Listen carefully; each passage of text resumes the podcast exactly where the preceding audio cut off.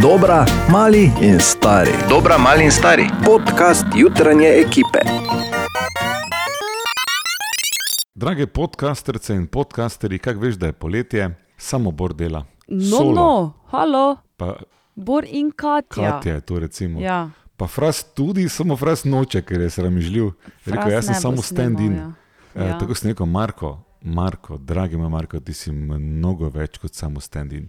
Čeprav je poletje vroče, moramo vedeti, ne, da mi nismo samo to, kar drugi mislijo o nas, ker drugi nas nalaž dajo v neke predale, da lažje razumejo, kaj mi smo. O, kaj si normalo. To je misel, ki se lahko zapišete, pa do jeseni malo ponavljate, kaj ti je zdaj, dala si očala dol, pa malo obrisala, tako je te prevzela misel. ne Ker če- je, veš, pa, pa, Pa še zgubili se smo včeraj. služba zaključuje. Ne, pa.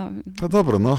Mislim, da je Ampak razlog, zakaj priznam mene ne pa- pustite preveč priznam- govoriti. Ne, ker ko, mikrofonu enkrat spustite, pa če nobenega, Je da bi vseko po ja. roki, ne, je Ja. točno tako tudi v petek. Ampak bi Si se pa popolnoma, ja, Aj, govorim preko tebe, jaz. bi se Oprosti. strinjala. Nisem No, hotel. popolnoma bi se strinjala s tabo, cenjeni sodelavec Bor Grajner. In mislim, da bi to mogel marsikdo ponotraniti.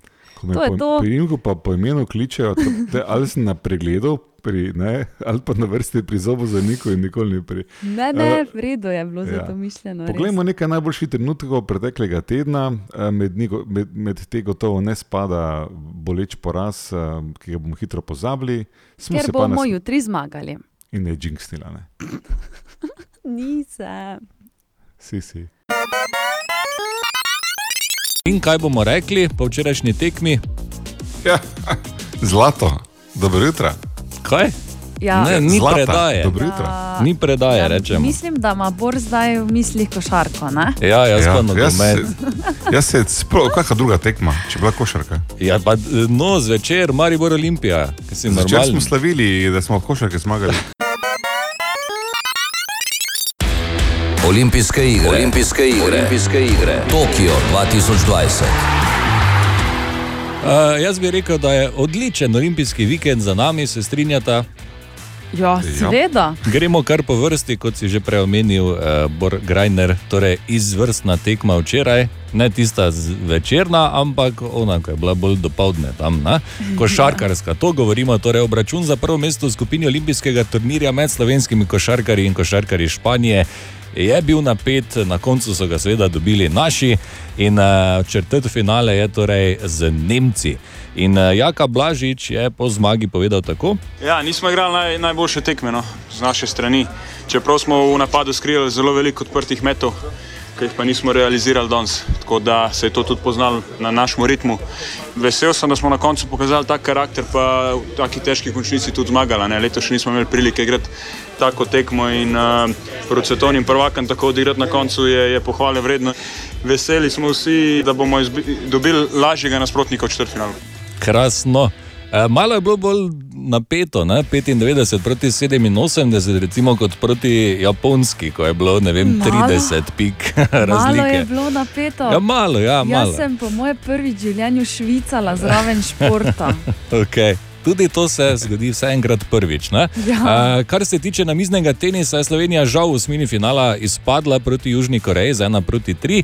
E, edino točko je priigral sicer 40-letni Bojan e, Tokič. Vedeli smo, kje so naši močni aduti. bom Rekel, v posameznih tekmah dvojice z Denijem enostavno ne igrava dobro, niti sva jih kdaj probala igrati dobro, tako niti sva uigrana.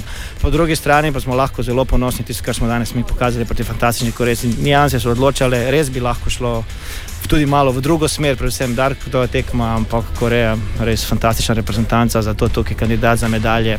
Ja, uh, kako bi rekli, when hell freezes over, ne, Bor, oziroma ko, bi, ko bo pekel zamrznil.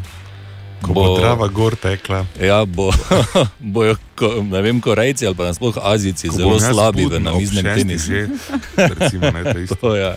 okay, čestitati je treba tudi Kristjanu Čehu za odlično peto mesto. Ja, res. Bravo. Uh, drugače pa se je danes po noči že začelo, Maja Mihalinec zidar je ostala sicer brez polfinala na 200 metrov, v sedmi kvalifikacijski skupini je bila četrta, uh, skupno je bil to 35. čas, govorimo o atletiki, seveda. Danes nas čaka ob 12:20 čez skok s palico, ženske kvalifikacije, torej navijamo za Tino Šutej. Eh, tudi kajak kanu se je že odvijal po noči, slovenski kajakašici Špela Ponomarenko Janič in Anja Osterman eh, si na olimpijskih igrah sicer nista izborili neposrednega polfinalnega nastopa, brez skrbi, tako da jo za preboj v torko polfinale čaka še ob šestih, zdaj se je torej začelo dodaten nastop v četrt finalu. Tako da bomo držali pesti, navijali, še en olimpijski teden je pred nami. Kako je že rekel Einstein, samo dve stvari sta neskončni: vesolje in človeška neumnost, ampak za vesolje nisem povsem prepričan. Poznamo, Ja, ja. mhm, seveda. Izjemen citat Ja. in s tem izjemnim citatom v mislih prisluhnite naslednji izjemni povedi. Kupiš lahko zrak z koncerta oziroma zabave, ki jo je organiziral Kanye West. Ja, točno tako. Stojič je plac, koliko ti stane, v bistvu? Prijatelja 70 sprašujem. dolarjev. Uh, kaj pa zdaj? Tedenski horoskop. Aha, Kar oziroma začnemo. horoskop. Horoskop, pardon, pardon. Torej, um, na začetku začnemo kot vedno, gospod uh, Marko Frase, začnete vi, torej, oven. okay. Ta teden boste predvsem razvajali svoje najbližje. Imeli boste ogromno energije, tako za delo, kot tudi osebno življenje. Big, marsikdo vas bo poskušal spraviti iz tira, dovolj energije imate, da se postavite zase in ob tem ne pozabite, v kaj verjamete. Dvojčka, zaradi postavitve urana boste bolj nervozni, zato se posvetite sproščanju. Če želite, da se vaše ideje uresničijo, jih boste morali bolje oblikovati. Rak, v tem tednu bo v vas prepivala predvsem revolucionarna energija. Želeli boste namreč doseči pravico v svetu. Pazite, katere nasvete sprejemate in komu zaupate svoje ideje. Lev, pred vami je predvsem kreativni teden, hitro se boste učili, uran vam prinaša veliko možnost kariernega napredka. Devica, ta teden boste borbeni in mili ob enem. V začetku tedna boste imeli ogromno energije, vendar vseeno pazite, da si ne naložite preveč dela, privoščite si oddih in delajte to, kar vas veseli. Tehnica. Ugotovili boste, na koga se lahko zares zanesete, konec tedna se soočite s svojimi skrbmi in jih tudi rešite. Dobili boste novo priložnost. Škorpion, ta teden boste dali več poudarka na komunikacijo in tudi službene obveznosti, in v tem boste preprosto blesteli. Strelec, pred vami je fantastičen teden, ko boste doživeli eksplozijo dobrega. Ne pozabite vsak svoj korak načrtovati z glavo. Kozorok, trenutno se manj obremenjujete s tem, kaj si o vas mislijo drugi, in se bolj osredotočate na to, kaj s tem mislijo. Branje med vrsticami sicer ni vaša odlika, ampak se boste ta teden v tem vseeno izkazali. Vodnar, v spredju bodo predvsem odnosi, že dolgo si se želite povezati z nekom in ta teden je pravi čas za to. Poskusite najti ravnovesje, v nasprotnem primeru boste trpeli. In pa ribi, po moje prvič, odkar imam tedenski horoskop, dragi Bor, je ta zate pozitiven. Poslušaj. Ta Okej. teden bo Merkur poskrbel za več jasnosti in logike, več karizme in topline bo v vas. Vseeno ostanite pozorni na podrobnosti. Aha, lepo, lepo. Eh, A, dobro, da nisem vodnar in B, mišljeno na ključe, da je horoskop dober, zdaj ko dejana ni. To je tudi dobro vprašanje, dobro bor. Ena od treh, treh, treh. Jutranji sprehod po zgodovini popularne glasbe. Ok, in je spet čas, kakor hitro tedaj tož pove, kaj to je. Jaz pozabim, tako da je samo kratica JSPZPG. Jutranji sprehod po zgodovini popularne glasbe. Ok. Uh, Je pa v isti kategoriji kot eh, reporter Milan in njegova resnica. Edini na svetu še vem, da je to polni naslov vdaje. tako da res? No, bravo. O Milanih govorim, veš. Ja, ja, se razumem. Ja. Okay, posvetimo se torej eni glasbeni legendi. Včeraj je 58. rojstni dan praznoval Kulijo. A, A, A. okay. Poznamo ga kot Kulijo, torej tak mu, ta, njegovo umetniško ime, pravo ime je Artis Leon Ivy. Zdevek Kulijo Iglesias pa je dobil v času študija. Zakaj? Ne vem, ampak zanimivo. Uh, Iglesias prav? Ja. Vem, da on kulijo, ne? ampak Julio Iglesias. Skratka, že dvakrat je bil v zaporu zaradi tatvine in posedovanja nezakonitega orožja. To mislim, da imajo vsi Wow. ti ameriški, ko so Gangsterji. reperi, pa malo tako, ne, imajo, imajo neki rap shit, ne, kot se reče. Uh, ima tudi mimo grede šest otrok, samega sebe pa uvršča na lestvico top 10 ljubimcev vseh časov. Ja, bravo. In sem si mislil, ko sem to prebral, pač ok. Sam Cool, sebe. ne? Ampak potem sem prebral naslednjo stvar in nikakor ti dve stvari ne gresta skupaj. Eh, Bo je tudi velik zbiralec snežnih kupol. super. Tako da ne vem zdaj, kje je res. Uh, ampak ok, kulijo, prisluhnimo nekaj hitom.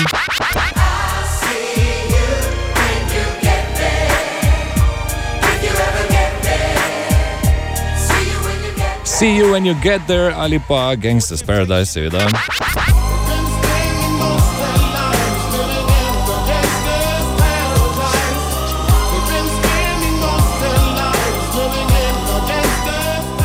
Ali pa 1, 2, 3, 4, something new.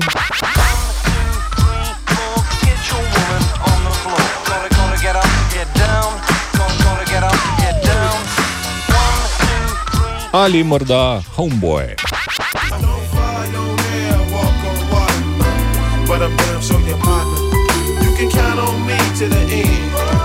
Mm, to je tako, ko se pelješ zvečer z avtom.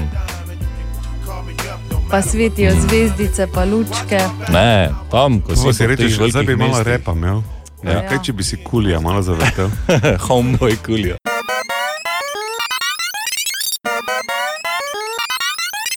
Bor, eh, meni je v čas, da lahko delam zjutraj, eh, tudi s tabo, cenjeni kolega. In uh, moram reči, da mi je zanimivo, grem malo jaz tu v bazo pogledat, kaj imamo not. In samo po posnetku, po naslovu vidim nekaj zanimivega. Posnetek je, ki nosi naslov Stari Bor. Ne vem, kaj je to, ampak prisluhnimo, pa upamo, da ni kaj vulgarnega. Sobotni parti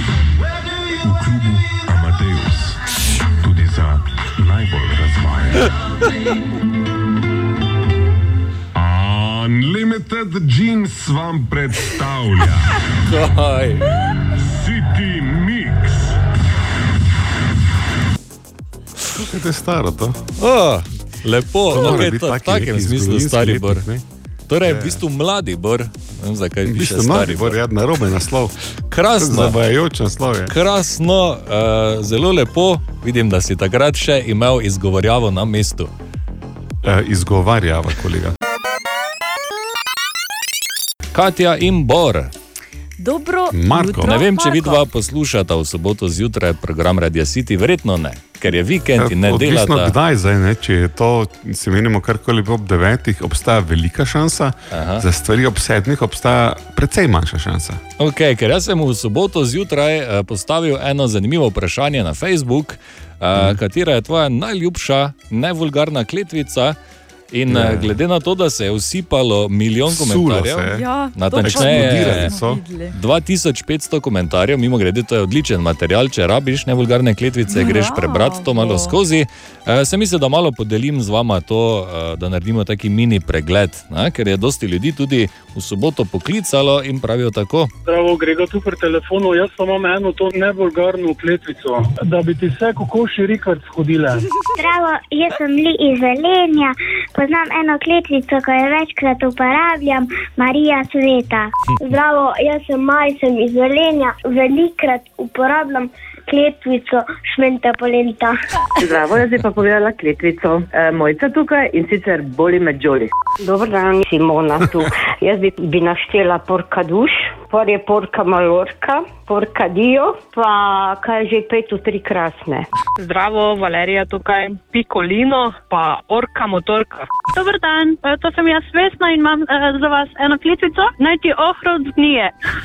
Ja, zdravo, tu pa dušam z Malešnika, da ti je pes brado Liza.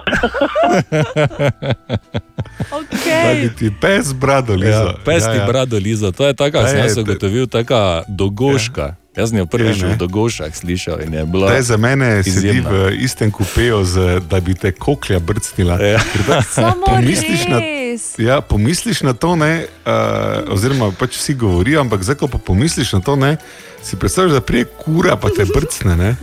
Tak, absolutno je neverjetno. Ne. Mezinčka na nogi, ne? Pa, Ja, pa gre ja. jezno stran. Pa tudi ro, ro, roko na srce je taka tipična slovenska kletvica, ker posledice tega, da te koklja brcne, po mojem, niso. Ja, pa to, da ti pes brado liže, tudi ni zdaj nekaj. Ravno joj, oh ne, kaj pa zdaj. Pes mi je brado lizal. Okay, uh, mene zanima še, če imata vidva svoji najljubši, nevulgarni kletvici.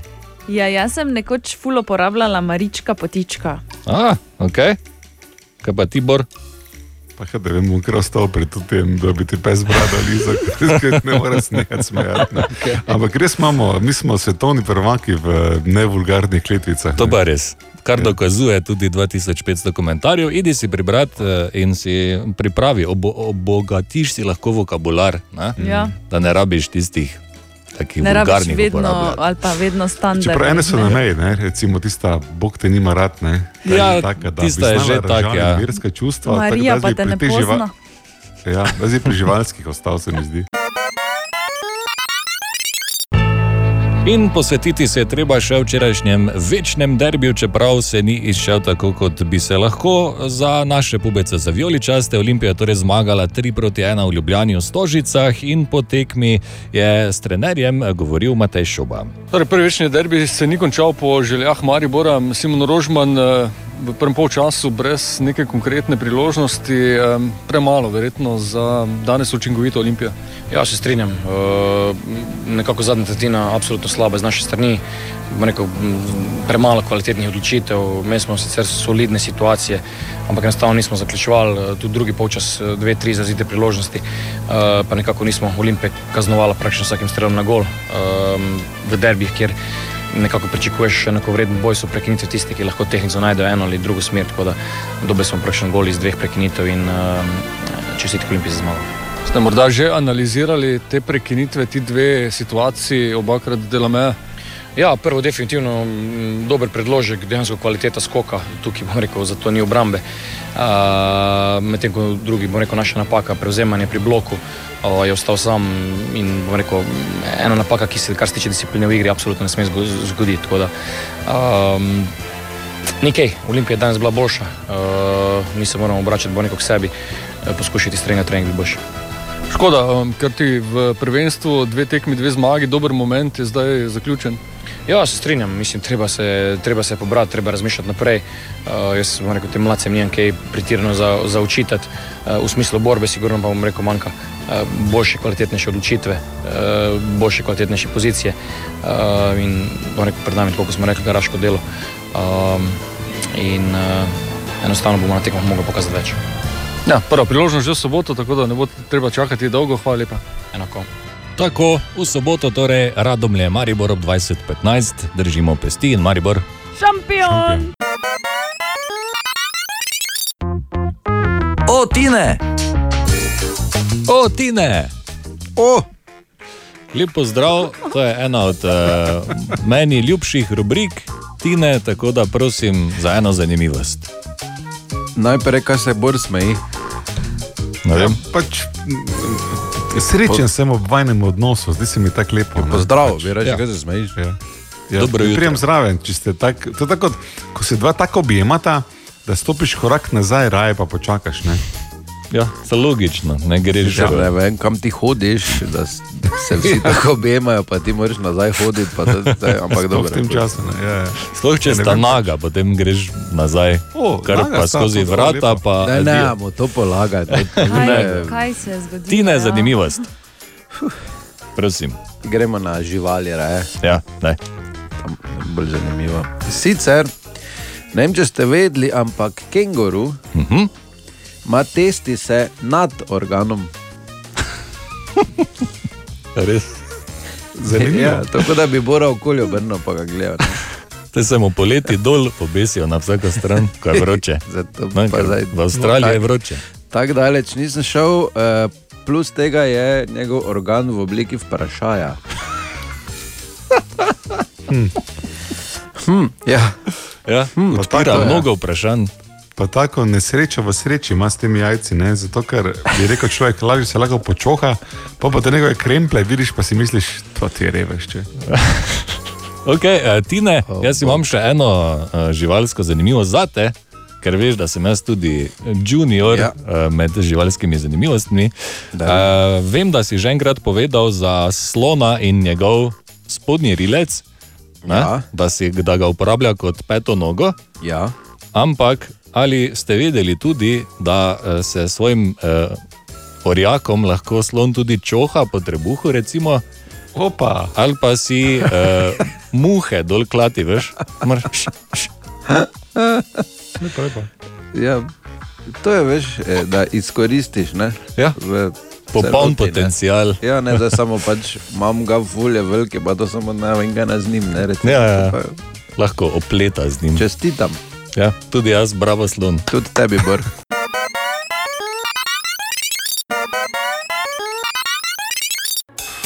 Aha, aha, aha, aha, aha, aha, aha efekt. Aha, efekt in danes sprašuje, eh, postavlja vprašanje domen, kako so ustvarjali zemljevide, ko še ni bilo letal in satelitov. Bor. Ker nič ni lažje, ne? kot hopa, vklopiš satelit, uh, z letalom greš preko, pa imaš mapo. Ja. Ja, preden smo imeli te tehnološke čudeže, smo delali na roko in za zemlje. Recimo vojske, ki so osvajale v zemljo, so imeli posebne enote kartografov, ki so samo se s tem ukvarjali, da so popisale teren in naredile mape. In na ta način tudi. Ne boste verjeli, večino map smo dobili z osvajanjem ozemlja. Zdaj, ali je bila to vojska, ali so bili to kakšni hudi raziskovalci, eh, tipa Kolumb, ki so življenje posvetili temu, da so raziskali planet okoli nas. Ampak kaj so oni imeli, če niso imeli letal? Ja, imeli so um, vrvi, znane dolžine, uh -huh. imeli so fizične, magnetne kompase, celo probali so tudi dati, um, uh, torej so imeli take optične naprave, da so zavezali povečevalno steklo, uh, ali pa so imeli celo male teleskope. Tega, približno uh, so imeli začetke te naprave, ki jih danes vidite še na cesti v mestu, ko en zapiči tako palco, pa je gori optična naprava. ne. A. Okay, to je laser na drugi strani, ampak princip pa je relativno podoben. Uh, kratek odgovor, Marko, uh, na roko so delali, ja. tako se spodobi. Hvala lepa, Borgrajner. Lahko jaz samo nekaj še dopolnim. In je tudi Tine, seveda. Povej. E, če bi Marko živel takrat v zgodovini, ko so to nastajali, ne, bi zagotovo bil kartograf. Ne. Ja. Ker Ja. Velike so rabili, da so dol videli. Tloris. ne. Ja, zato. Ja, tudi to je ena opcija. Hvala lepa, Tina.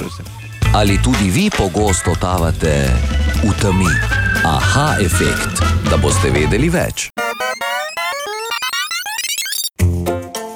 In Katja, jaz sem Ja. videl, kaj si ti pribeležila, in me zanima, uh, če lahko pomagaš torej, s tem uh, tako imenovanim life hackom. Seveda lahko pomagam. Torej, kako rešiti, če imaš trsko v koži? Ne? Ponavadi se rešuje z pincetami. Ne? Ja. In pol ti Ja, ja, ja. Najprej probaj, ne, ne, ne. Najprej probaj z nohti stisniti, pa pa na gre, Točno, pa si ja, pa to jezni. ja, Pa ja. pa paš grizniti, pa še rečeš, ima kdo pinceto? Ja. Pa nimaš pincete in greš jo kupiti. Recimo. Ja. Okay. Ok, povej. Torej, bolj enostaven način je, da en, enostavno zmešaš sodo bikarbono z vodo, Mhm. ampak ne preveč pasta mora biti. Tak- Torej, moreš.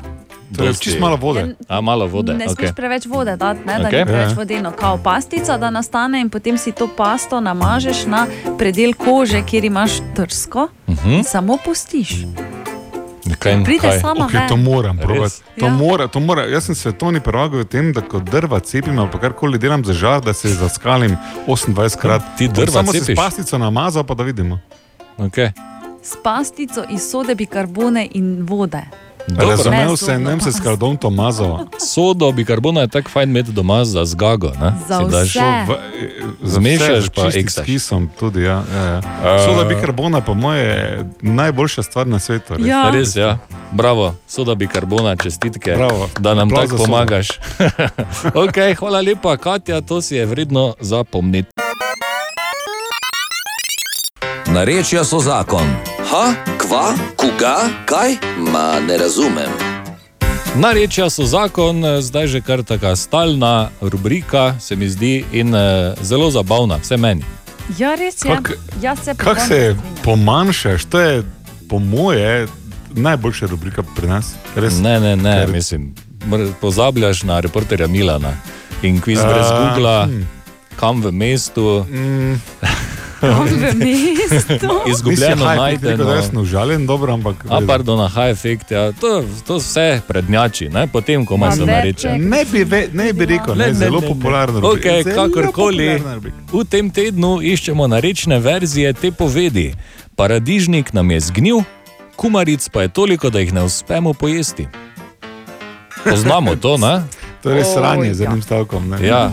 E, Mi bi doma rekli temu, recimo, paradajz nam je zgnilo, mrk pa je toliko, da jih kar ne folgamo jesti. Mrk. Mrke, ja. Mrke so, mlečne mrke. Uh, Katja, Um, podobno, v bistvu, Mhm. paradajz nam je zgnila, murk pa ne folgamo jesti. murke rečete, Murke, ja, mislim, jaz rečem murke. Hmm, sumljivo.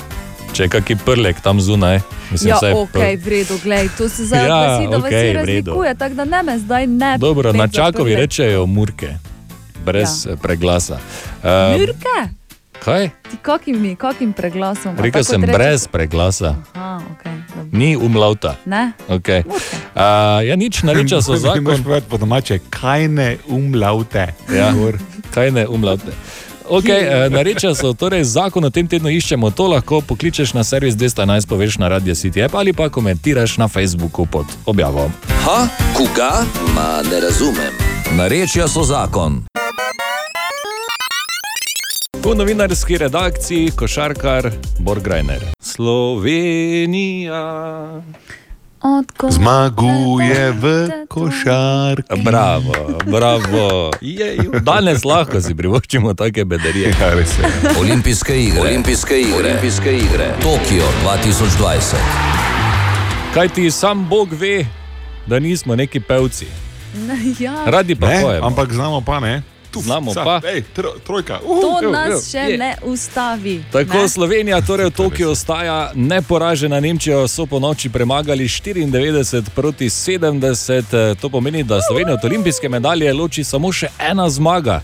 Polfinale bo v četrtek, predvidoma ob eh, 13. uri, v primeru uspeha v polfinalu bo igrala finale v soboto ob 4:30, o porazu pa je tekma za bronasto odličje čaka ob 13. uri, ampak o porazih ne razmišljamo. Ne. Tako. Ali Je tako. Francija ali Italija, tudi Francija je ne poražena, ampak uh, dajmo no. Ja, Mislim, se. Dajmo Ni, no. nimajo No. za burek, ne? ampak Ja. se reče. Zdaj smo rekli, jo, kako smo glasni, samo malo. Ja, okej, ne, ne. torej, uh, vse Ja. ja. tekmovalce, oziroma soigralce, oziroma nasprotnike je treba Spoštujemo. imati. Ja, ja. Ampak če jim nasujemo enih 20 pik že v prvi četrtini, bo lažje. Tako. Ok, še druge olimpijske informacije. Tina Šutej se je včeraj uvrstila v veliki finale skoka s palico. Čestitke in držimo pesti v četrtek ob 12.20. Uh, malo slabša novica prihaja uh, iz mirnih voda. Ki niso bile tako mirne, očitno slovenski kajakašici na mirnih eh, vodah špela pa Marinko Janič in Anja Osterman sta se na olimpijskih igrah žal nista prebili v finale, kajti eh, tik pred ciljem sta se prevrnili in bili diskvalificirani. Ja, ojoj. Ja. Ja. Vse zgodi, nič ne moreš, zgodi. vseeno uh, čestitke za vse dosedanje uspehe in uh, je nič. Jaz Mini tragedija. ne. sem. Saj, Če, če, če ne bi košarkari zmagali, pa bi se samo o tem pogovarjali, bi bil to kar precej žalosten dan, ker sta si zaslužili Ja. ja. boljšo vrstitev, ampak tako si rekel, glej, zgodi se. Bota se zdaj se veselita za košarkarje, zagotovo pa bo ta hitro pozabili na to. Ja. Take so moje želje. Slovenija. Web, web, web, web check. Kaj ti izvoli? Prihaja nova serija in sicer serija Gospodarja prstanov. Ja. Sicer naslov še ni znan, eh, vendar pa že potekajo priprave na snemanje in prvi del naj bi bilo mogoče eh, po trenutnih podatkih gledati že naslednje leto. Svetovno, to komaj Svetovno. čakam. In up, upam, da bo golom not tudi. Bom samo rekel, uh, nisem tega še prej prebral nekje, no vem, mi ni rekel, to je to prvič, tako da ta rubrika je pravkar pridobila na veljavi in ugledu. Me veseli. Stokratno. Jaz sem Me že Ja. slišal, ampak dobro za posodobitev.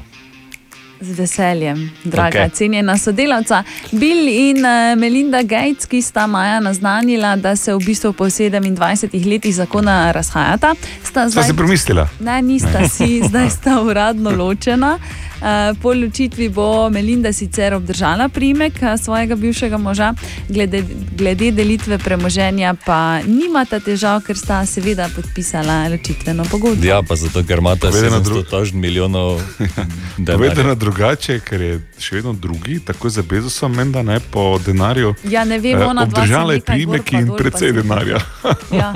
ja, no, se je tudi pomagala, ne? da ne bomo zdaj tu slučajno spet kaj na Ja, saj se ne Samo, gre o tem. To je pa res, jaz sem gledal eh, dokumentarec Inside Bill's Brain in uh, njegova mama, pa kasneje njegova žena sta bili instrumentalni pri tem, da sta tega genija spravili tudi do financ. Ne? Lepo. Vidiš? Uh, in pa, ko se že pogovarjamo o mamah, uh, ne vem točno, kako so prišli do teh rezultatov in na kakšen način so preverjali oziroma delali te raziskave, ampak imamo tri astrološka znamenja, ki so totalni in popolni mamini sinčki. Če rečeš ribe, si pisati, se ti slabo piše. Pa oven. V bistvu so to raki, levi in strelci. Ah, Tako, okay. kaj, ni dan lev. Toma, Tomaš Medor je Ne. strelec. Samo toliko. V podznaku je lev, ne? Ne vem, kaj je pod znakom lev Hvala, sem Katja. In samo mimo grede še ena zelo pomembna novica. Če se kdo komaj prebudil, prebudila, Slovenija je pa v finalu. Webcheck. Koliko si višji od mene, si sploh višji od mene? Seveda. Koliko imaš ti, čakaj malo. Dva metra. Okay, Samo res vidva bi dejansko lahko košarko igrala. Ja, kaj ti poznaš? Mi naju, dejansko pa- igramo košarko. Ja, no, o moj po- Poznaš po najne eh, velikosti. fizične sposobnosti. Po velikosti. No. Oba uh, igrava igrice do poznih jutranjih ur že mnogo let. Dobro, jaz sem tudi eh, na koš svoje izmetal, ne, da imaš videti, da ti nikoli, ni- nikoli nisi niti malo. Tako da Ja, sem, ja. Ampak ne To se moremo govori, se ja, nismo pa zdaj olimpijski Ja, material. no, no. ne, to pravim. Ja, Katja, hvala, da si ob tej čudoviti zmagi. Na, ja, hvala, Kaj, res. če pot, mislim, to je kompliment, je bil zdaj Okay. to. Hvala, Katja. Niti- Mnogo zgodb smo spisali in eh, pomagali pisati na našem radiju. Kaj ti? Če kaj, potem radi pomagamo in včeraj smo znova, ne bor. Uh, o čem se pogovarjamo, Marko? Denarnico smo ponovno združili z lastnikom.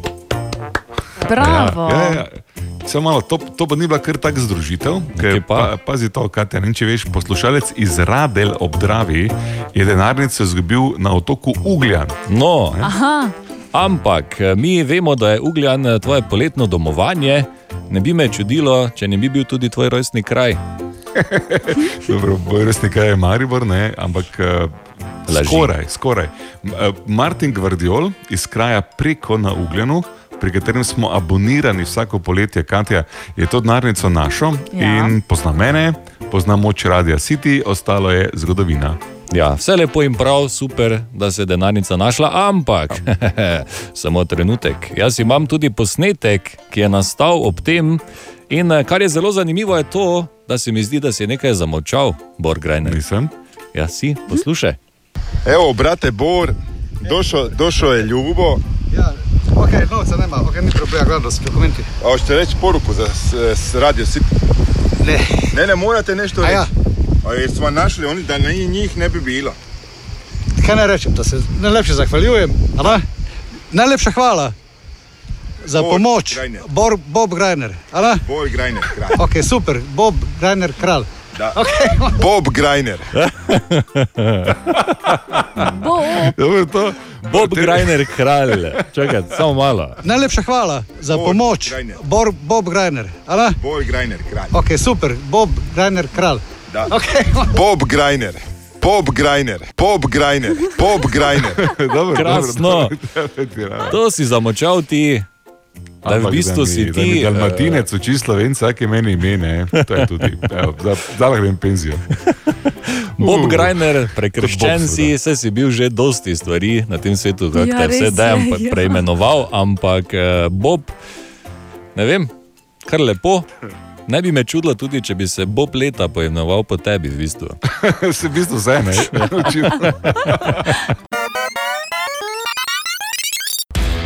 Olimpijske igre. Olimpijske igre. Olimpijske igre. Tokio 2020.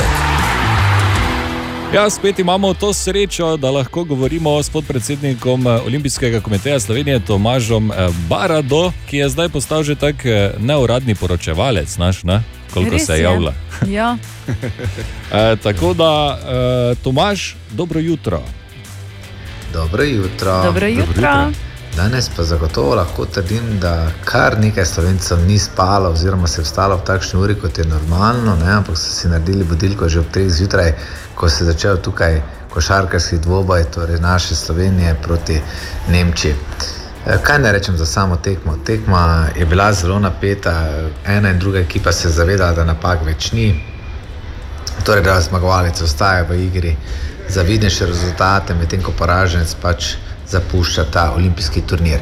Uh, pritiski na našo ekipo so zagotovo bili veliki, sploh na samem začetku, ko, ko nekako med ni stekel ne, in uh, ogromno teh eh, napak, celo tehnične napake, naši klopi, uh, nekako se ni dosodil prekršek nad Luko, Luki ni stekel sam med, uh, ampak tukaj lahko ravno rečem, da se razlikuje naša reprezentanca. Torej, mi imamo enega največjih zvezdnikov na svetu, torej Luko, ampak na koncu te tekme ni zmagal Luka Dončić, ampak je zmagala ekipa Slovenije, ne? kar je meni kot športniku eh, zelo, zelo pomembno. Torej, govorimo o slovenski reprezentanci, govorimo o ekipi, ki je homogena, ki igrajo res. Eh, Za eno dejstvo, in to dejstvo je postati igre- najboljša ekipa na olimpijskih igrah.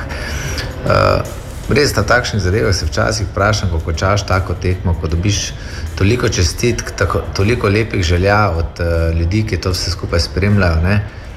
Kako dolgo se bomo tega slovenci zavedali in ali se sploh zavedamo, da mi premagujemo tukaj, ne vem, vele sile, svetovne vele sile, vele sile, ne samo v košarki, tudi če pogledamo samo eh, po populacijo ljudi, torej da dejansko mi premagamo eno Nemčijo, ki ima 80 milijonov, mi pa 2 milijona. Ali znamo to ceniti? Kako dolgo to cenimo? Ali cenimo to samo dokler so sami rezultati na vrhu, ko pa rezultati padejo, pa več o njih nihče ne govori. Jaz mislim, da se bomo o tem področju morali vprašati, morali razmisliti, da bodo ti športniki, ki dejansko dosegajo takšne rezultate, cenjeni celo življenje, življenje se so oni naši državi prenesli to, kar danes smo. Krasno povedano. Ja, in res je, no, se, se vsi zavedamo tega, pa potihem upamo, da ni tako, da potem, ko rezultati padejo, smo pa vsi kar ni, ni, ni. Ja. Skratka, ponosni smo na celotno ekipo, na košarkarje. Eh, Tomaž Bara, da niso pa vse novice ravno dobre. Ne? Danes zjutraj smo imeli še eno železo v ognju za kakšno vidnejšo uvrstitev, oziroma vsaj vstop v finale, to je v dvojicah na 500 metrov v kajaku. Ampak žal se ni šlo po naših načrtih, torej je na koncu se je zgodila napaka, punci sta prevrnili čovn in dejansko bili diskvalificirani, in s tem je tudi, bom rekel, šla vidnejša uvrstitev po vodi. Okay. Uh, hvala lepa, Tomaž Bara, da do uh, jutri zjutraj spet lepe pozdrave na Japonsko. Lep pozdrav v toti moj Maribor in uh, na celotno Slovenijo. Jaz upam, da boste močno stiskali pesti še za nas naprej in da bomo dosegali še naprej vrhunske rezultate. Če bi bilo treba, ne, on igra na avtopilotu, Že že samo gremo skozi do zlata, zdaj za to. Cap, cap, Okej. cap. Kaj smo že zmagali, pardon, nismo ti. No, no. Bob Grajner. Nehaj, da ne boš zaklel Ne celotnih jinx, olimpijskih. ne jinxaj, ja, ne ne tega. Mislim, da jinxno z Bobom. Ne, ti jinxaš. Danes je 3. august in na današnji dan leta 1492 je Krištof Kolumb iz Palosa odrinil na svojo prvo pot. Uh. Na svojo prvo pot in tukaj se poraja tista očitna šala. Očitna šala bi bila, da je Bor bil njegov navigator. Ne? To je to, ha, ha, ha. Malo manj očitna šala bi bila, da je Kolumb, eh, ko je prišel v Ameri- Ameriko, so ga pozdravili starosilci z Borom na čelu. E, e, e, to mi je že všeč bolj, ne? Ne? Neočitna šala, ki to ni, pa bi bila, da Bora ni v tej zgodbi, ker je star 49 let in se dajmo zresniti, čemu to norčevanje. In čas je, da preverimo eno situacijo. Kaj ti na spletu se je pojavil en nov viralni video z pes bomboni? No, Kaj? pec bomboni. Pez. Pec. Pez. Sem videl pec, rekli, pa to so oni mali, ko, ko Ja, je ja. Donald, eh, pa je v dvigna, pa je ja. ven, Ja. so Ja. ven padali, ne? Ja, ne vem. Miška je bil pa Jaz se Pluton, ne pa spomnim, mi smo Pluton, rekli pes, Pluton. Pec smo rekli mi. Dobro. Mislim, piše se že pec, samo za reklo. Kakorkoli že, nov viralni video je zunaj, kako najlažje iz zavojčka bombončke spraviti not v tisto igračko. ne? Ja. Ker Ja, ja. drugače Če si dela, ali kaj, ne? Ja, ja. Drugače si odprl in si enega po enega, ni- ni, noter, ne, tam stiskal, pa Ja, ja, ti je vse dol lahko, ja. letelo. In uh, baje je tako, Katja, povej kako. Baje bi bilo čisto preprosto. ne? Mhm. Eh, Odpreš, torej potegneš to glavo ven in od spodaj noter uh, daš v bistvu cel paketek, brez da sploh papirček odstraniš, Okej. in potem samo potisneš glavo dol. In bomboni naj bi bili noter, papirček Mhm. naj bi pa padal ven. Mhm. In kaj smo se naučili? Da ne smemo verjeti vsega, kar vidimo na internetu. Bravo! ne dela, mislim, Ne, to je nekdo je priredil. Ne? Seveda. Ker je spodaj zadelano vse in ni mogoče, da bi bombončki prileteli skozi. Ja, ne vem, skozi tista in- plastika je kar, mislim, močna. Smo probali to? Ja. Seveda smo probali. A, ok, dobro. Imamo, Tako da- imamo tudi uh, potrjeno na Instagramu našem, če koga Dobro, zanima. s kilo figurico smo probali. E, Z Miki Miško, To je mini miška. Kaj? O moj A ja, bog. mini miška, je pardon. moški, Katja, ja. Pardon, eh, pardon, Samo malo. pardon. Samo malo. Halo, policija. Joj, no. Ja, slovenska Prijavijo, 35. prijavijo. Slovenska 35, Katja Gregorec. Blond, ja. Ja, Ok, e, očala. imamo odgovor na vse. Okay, blond. hvala, Okej. nasvidenje. Tak, zato že nas vklemijo s pred prihodom policije, ne zbežala. Bego sumna, je. O, Tine! 47 minut kaže ura, lepo zdrav, dobro jutro. Dobro jutro. Dobro jutro. In opazite lahko, da ti ne Da je ta žal tišina. ni. Ja. Ja. Ker, Eh. uh, veš, kaj je, če se ti zgodaj zjutraj zbudiš za tekmo ne, ja. in greš po nazaj spat, ne, zna to porušiti bioritem. In jaz sem pri Tinetu točen ta občutek, ne, da je, veš, kaj je on pri športnih dogodkih, ne, da mora ja. ja, spremljati živo, pa komentira zraven pa vse. Ja, živce mu požre, brez glasa je, Ja, ja. eh, dere se. Ne Ja, vem, kaj in še moje- počne in- zraven, in ampak moje- nekaj, kar ni dobro vplivalo na njegovo zdravje, očitno. Ja. Tine je zbalil. Po mojem, kinkno nazaj.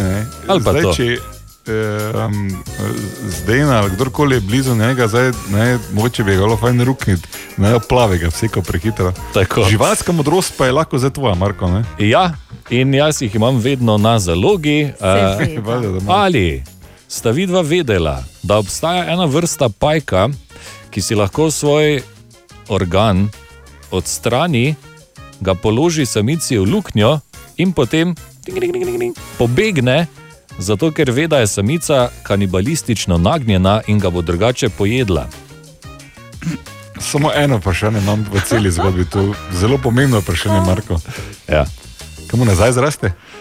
Ja, to je dobro vprašanje, na katerega nimam odgovora. Upam, da no. Ker če mu ne zraste nazaj, bi rekel, da ni neka strategija, veš. Ne, ampak. Eh, Eh, ne ja. bom sploh, ker imam čudne predstave v glavi. malo, samo malo, kaj ti, kaj ti, eh. Ženske, so tam rekel ženske. Naučili smo se pri bogomolki, ne, da Mhm. najprej glava gre, pol prije, ko me je reveš na vrsto. Ja, ampak zakaj točno, sam si povedal? On Ja, ima saj težave, ne ženska. Ja, v bistvu, v bistvu ne more kopulirati z glavo gor. Ne. Kar je zopet se mi zdi tragična lastnost številnih tudi v človeškem svetu. Res je, modre besede, Borgrajner. Olimpijske igre. Olimpijske igre. Olimpijske igre. Tokio 2020. 9 minut je čez 8 in z največjim veseljem pozdravljamo El Primo novinarja Mateja Šobo, ki je tokrat v uh, belo-modrem dresu. Dobro jutro, konničiwa. jutro. Ja, kako jutro. bilo drugače? Ja, seveda, glej, po taki zmagi in uh, uvrstitvi v polfinale ne more biti niti drugače. In pričakujem, da ste vi tudi tako oblečeni. Ja, ja. Pa, Ja, pa seveda. tri basket žoge imamo tu, pa koš sem namontiral v studiu. Zdaj grem točno zbuditi se, gor da žogo najdem, ker vem, da Ne, samo res ena zmaga je, torej, eh, eno zmago je oddaljena slovenska košarkarska reprezentanca do medalje na olimpijskih igrah. Kdo bi to pred enim letom recimo rekel, mm. bi človek pomislil, kaj si ti čisto vredno.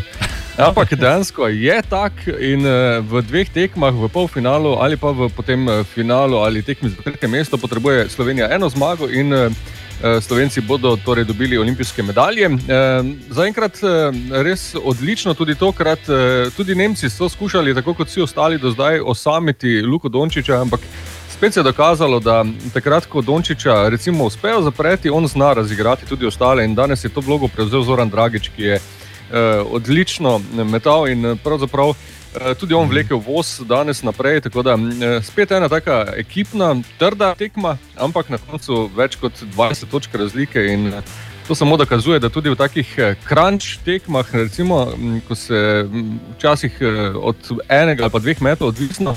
eh, Kako se bo na koncu razpletlo, je Slovenija močna tudi v živcih in to seveda daje upanje tudi za polfinale, ki bo torej v četrtek ob enih po našem času, torej ne bo se treba zbujati, bo pa Je. treba verjetno malo švicati, eh, oziroma prešpricati službo, kajti ob enih, vse vemo, ne. Ja. Um, ne bodo delodajalci ravno najbolj veseli. To je dolga pauza za malce, Matej. ne? Recimo, malo se bo podaljšala um, ta pauza za malce borja. E, drugače pa v polfinale zaenkrat kaže, da bodo tudi prišli američani, ki vodijo šest minut pred koncem tekme proti Španiji, deset točk, ob polčasu je bilo še izenačeno. Uh, Je pa recimo uh, zdaj s to vrstitvijo polfinale eh, še uh, ohranjajo možnost eh, slovenski športniki za medalje na teh olimpijskih igrah in zdaj. Čisto tako, ne? košarkari imajo možnost, Janja Garnbret jutri, od jutri naprej. Torej. In pa seveda eh, ne smemo pozabiti, eh, jadralki Mrak Macarol sta na četrtem mestu po rednem delu in bo ta v plovu za medalje eh, skušala še prehiteti, skušali še prehiteti Poljakinje, zato eh, odlično vrstitev in da Poljaki ne bosta preveč dobri jutri in potem bi se lahko uvrstili m, do bronaste medalje, trenutno sta pa na četrtem mestu, tako da držimo pesti tudi jutri. Za danes so sicer slovenski nastopi končani, kajti Ponomarenko, Osterman sta m, v finišu, ko bi se vrstili v finale, kajaka padli oziroma se prevrnili in eh, zaradi tega žal eh, ne bo finala tudi na eh, tem nastopu oziroma v tej disciplini. Tako da eh, kljukica za košarko, kljukica za jadranje. eh, Križic, žal za kajak na mirnih vodah. Okay. Hvala lepa, Matej, in lepo zdrav v Tokio, se slišimo pa še malo kasneje. Naj vam povem, da se je zgodil kriminal. Okay. Zgodil se je kriminal, eh, meni se večkrat zgodijo kriminali. ja, prijaviš pol. Eh, Enkrat, recimo, eden večjih kriminalov je bil, ko so mi spremenili WC papir, ki sem ga zvesto kupoval že Aha. dolga leta in potem, ha, zakaj, pri 30-ih sem moral iti iskat nov WC papir. Eh, Skratka, danes je kriminal druge grozno, sorte. ne? Zelo. Danes je kriminal eh, druge sorte, morate vedeti, jaz sem velik oboževalec CD-vite. Ja.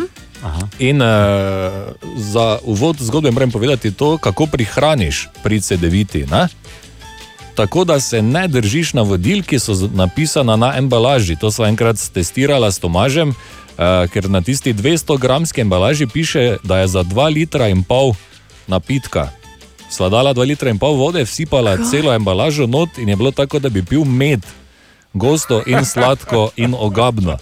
Tako Za da, Dva litra pa pol samo. Jaz imam tisto eno embalažo, imam jaz za, vem, za en teden, pa pol ali pa nekaj. Veš kaj mislim, ker si malo daš, toliko. Da si tri žličke na dva deci, pa še to sem zadosten. Ja, to je preveč. No, Ja, in ker sem jaz verjetno glavni odjemalec CD-vite, so me želeli ukaniti. Te Ja. majhne embalaže so spremenili, dozirno luknjo na pokrovu so povečali za 2 do 3 krat, kar pomeni, da se ti ven usuje pol embalaže, če nisi previden. Ampak jaz sem previden. Jaz sem previden, tako da CD-vita ne, ne. ne gre to tako.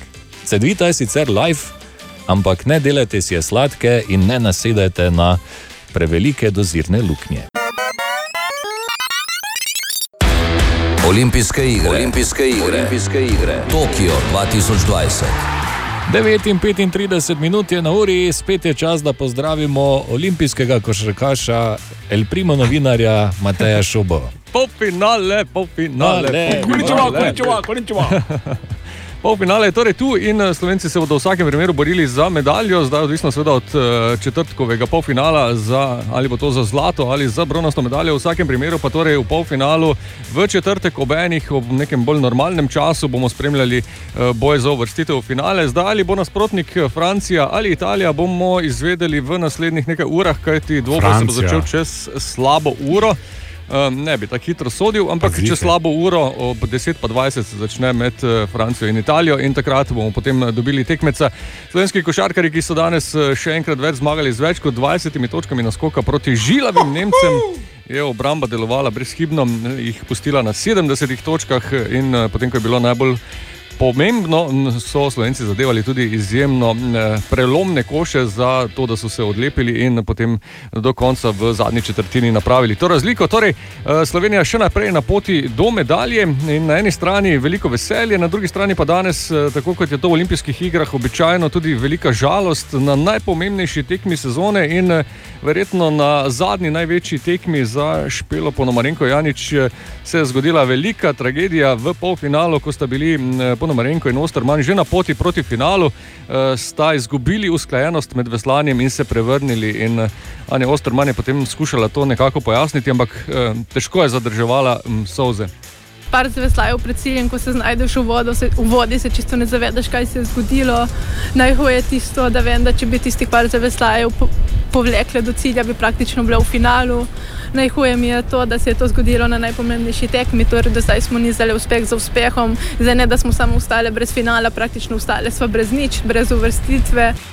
In to je ta taka tragična usoda olimpijskih iger, eh, ko pač ne more biti vsak zmagovalec in se dogajajo tudi take res eh, neobičajne zadeve, ampak se dogajajo. In eh, da se jim je to zgodilo, menda sploh prvič, odkar veslata skupaj, res groza na najpomembnejši tekmi. Ja, na drugi strani, ena, eni primorkam ni šlo dobro, drugim primorkam pa kaže odlično. Jadravki Mrak Macarol sta po rednem delu na četrtem mestu in bosta jutri jadrali za bronasto medaljo, kajti eh, zaostanek za Poljakinjama, ki eh, v zadnjih plovih popuščata, je 9 točk in glede na to, da so v zadnjem plovu jutri ob pol devetih zjutraj po našem času eh, točke štejejo dvojno, eh, še obstaja možnost, da bi Slovenki prijadrali do bronaste medalje, vse bo odvisno od jutranjega eh, oziroma jutrišnjega plova. Držimo pesti, moram pa zdaj tudi dodati novo rubriko Časi za slabi jutranji vic. Zato, ker Štolski zdaj kroži okoli po zmagi slovenskih košarkarjev, gre na tanko takole. Angela Merkel je tvitnila ob 3 zjutraj Guten Morgen, Ja. ob 4:40 je Dončić na Twitterju odgovoril Malo Morgen.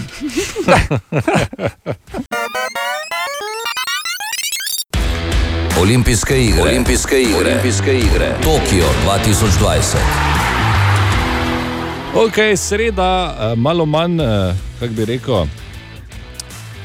Ne, ne bom nič rekel. Pomemben dan, prav tako na olimpijskih igrah, eh, veliko naših predstavnikov je. Eh, Če začnemo včeraj zvečer ob eh, 23:30, eh, se je odvilo daljinsko plavanje na 10 km. Naša Špela Perše je bila edina predstavnica in sicer je v konkurenci 25 plavalk osvojila eh, 24. mesto, za Brazilko je zaostala 9 minut, tista, ki je torej zmagala. Ok, eh, kaj še? Golf poteka, posamično ženske, prvi krok, eh, Pija Babnik eh, je naša predstavnica, eh, potem je po noči ob treh eh, bil kajak kanu na mirnih vodah, eh, K1 na 500 metrov. Anja Osterman se je zanesljivo prebila v četrtkov polfinale v disciplini, torej K1 na 500 metrov, medtem je špila Ponomarenko Janič ob eh, 5:50, torej pred nekaj minutami, začela s tako imenovanim popravnim izpitom. Uh, čestitke Ani Osterman po tistem včerajšnjem, uh, včerajšnji tragediji, ne, da se je zdaj še prebila tukaj naprej. Uh, kaj še imamo danes na sporedu? Ob eh, 8:33 eh, pričneta, eh, se pričneta regati za medalje. Tino Mrak in Veroniko Macerol bomo seveda spremljali, in pa ob desetih športno plezanje, kombinacija, kvalifikacija Janja Garnbret in Mija Krampl se bosta tam potegovali. Uh, in sicer ob 11. potem sledijo še kvalifikacije v blavanskem plezanju, ob 14.10 pa še v težavnostnem plezanju, za medalje pa potem v petek eh, od 10.30 naprej. Huh, imamo mi nekaj športnikov, ne? Kar nekaj, ja. Nisem vedel, da je golf olimpijski šport, to se mi zdi mogoče, da se nam imam kako perspektivo še. da no, gled, ne. Golfist. Golf igrajo običajno starejši ljudje, ki imajo ja. radi sprehode. Vidim te v karirastih hlačah, pa ono čepico na glavi, sončna očala. Mhm. Hodimo se pa bo- rečem, fras, kako je tvoj handicap? Kdo pa bi bil tvoj kadi? Ti Tomaž, pa- pridi. Palce nosa. Okay, ja. uh, deset minut je čez eh, šesto, še en olimpijski dan, navijamo, držimo pesti. Web, web, web, web check. Katja, izvoli. Gremo najprej na Finsko. Finci so namreč, eh, to bom zdaj samo povedala in pa gremo kar naprej. Finci so cepili tudi eh, svoja najbolj znana prebivalca in sicer Lordija, torej pevca skupine Lordi. Aha. Ki so s Hard pesmijo Hard Rock. Aleluja, ja, Aleluja. zmagali na Euroviziji leta 2006 in pa tudi Božička. Dobro. Potem eh, spoznajte Samento Ramsdel, Ramsdel, pač kakorkoli. Žensko, ki se je v Guinnessovo knjigo rekordov upisala, zato ker ima največja usta na svetu. Sama je sicer vedela, da ta res niso majhna, ampak eh, so jo na dejansko velikost potem upozorili uporabniki družbenega omrežja TikTok. Mhm. Tam je namreč pričela svojo kariero, um, tako da je v bistvu objavljala videe, kako si usta tlači ogromne količine hrane. Jaz si lahko celega double cheese dam v usta. Ona po moje da tvoj double cheese pa jabko zraven. Čakaj. se vidi. Brez da vgrizneš, Ja. celi, celi. Ja. Pa to sem proval že pred 15 leti. tako. Ok, dobro. Zdaj lahko mogoče triple cheese, ko imajo v akciji tu pa tam. Ok, daj, naprej. Puščavi Saudske Arabije so našli okostje 37 milijonov starega kita. Wow. In pa Lady Gaga je včeraj zvečer na Twitterju sporočila, da prihaja nov album. Po sedmih letih sta namreč eh, ponovno sodelovala s Ton- Tonyjem Bennettom in eh, pripravila sta album z naslovom Love for Sale. Eh, Mi pa že lahko poslušamo prvo pesem. Yet I get a kick out of you.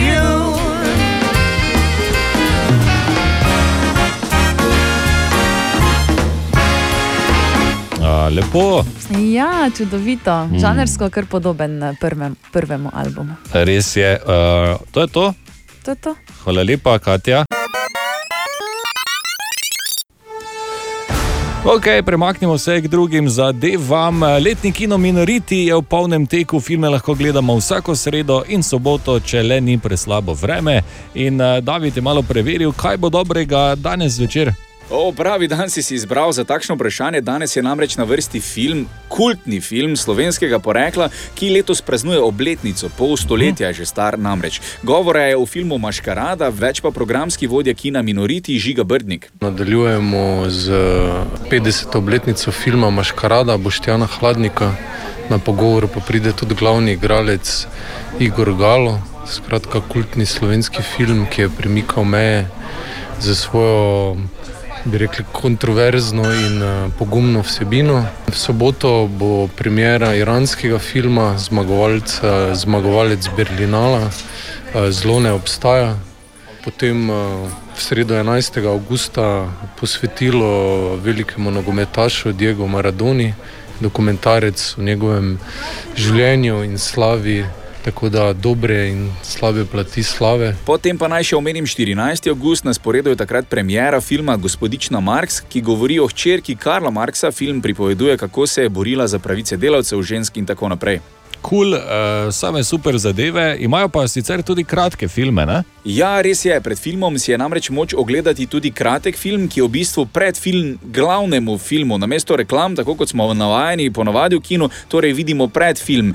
Po filmu pa so na sporedu še pogovori s filmskimi ustvarjalci. Ravno danes v Maribor prihaja glavni igralec Maškarade Igor Galo. Rene Puhar iz Društva za razvoj filmske kulture pa razlaga o ambientu v minoritih. da lahko tukaj obiskovalci začutijo nekaj poletnega filmsko-festivalskega vzdušja. Ambient je prekrasen, eh, filmi so izbrani, se pravi, Žiga Brnik in programska ekipa eh, zelo pazljivo pogledajo filme in se potem na podlagi nekih kriterijev o kakovosti filma odločijo za to, kateri so tisti, ki jih je potrebno izpostaviti na letnem kinu Minoriti. Filmi so zelo raznovrstni tako geografsko, kot žanrsko, um, tudi kar se tiče filmskih uh, vrst, uh, od igranih do dokumentarnih, eksperimentalnih filmov. Torej, danes ob 9. uri zvečer letni kino Minoriti in pa slovenski film Maškarada. Pridi. Ena od treh, treh, treh. jutranji sprehod po zgodovini popularne glasbe. In je spet čas za JSPZPG. Ob 6:45 na radiju City, dobro jutro. Dobro jutro. Uh, včeraj je rojstni dan, 95. rojstni dan, praznoval Tony Bennett oziroma Anthony Dominic Benedetto, legendarni Big Band Showtunes jazz pevec. Uh, ne vem, če ste vedeli, ampak je tudi odličen slikar. Ne, zdaj to samo tako, da on zna nekaj naslikati. Njegove Mhm. slike lahko najdemo v bistvu v večjih uh, muzejih po svetu. Wow. Študiral je glasbo in umetnost, vendar je pri 16 letih šolo zapustil, zato ker je moral pomagati preživljati svojo družino, kot se je to večkrat zgodilo v preteklosti. Ne? Ampak, Ja. če se znajdeš, se znajdeš. Ne? Očitno gre. Ja. Uh, Tony Bennett sicer ne posluša popularne glasbe, ampak je sodeloval z mnogimi pop zvezdniki, kot bomo tudi slišali. Uh, skoraj je umrl zaradi drog in to ga je potem streznilo, kot bi mnoge. Ne? Leta Ja. 2001 pa je odprl svojo šolo za umetnike, ta je sicer javna, financirata jo on sam in njegova žena, kar je zelo kul. Cool. Tako da uh, Tony Bennett in eh, Lady Gaga, recimo Anything Goes. Anything goes.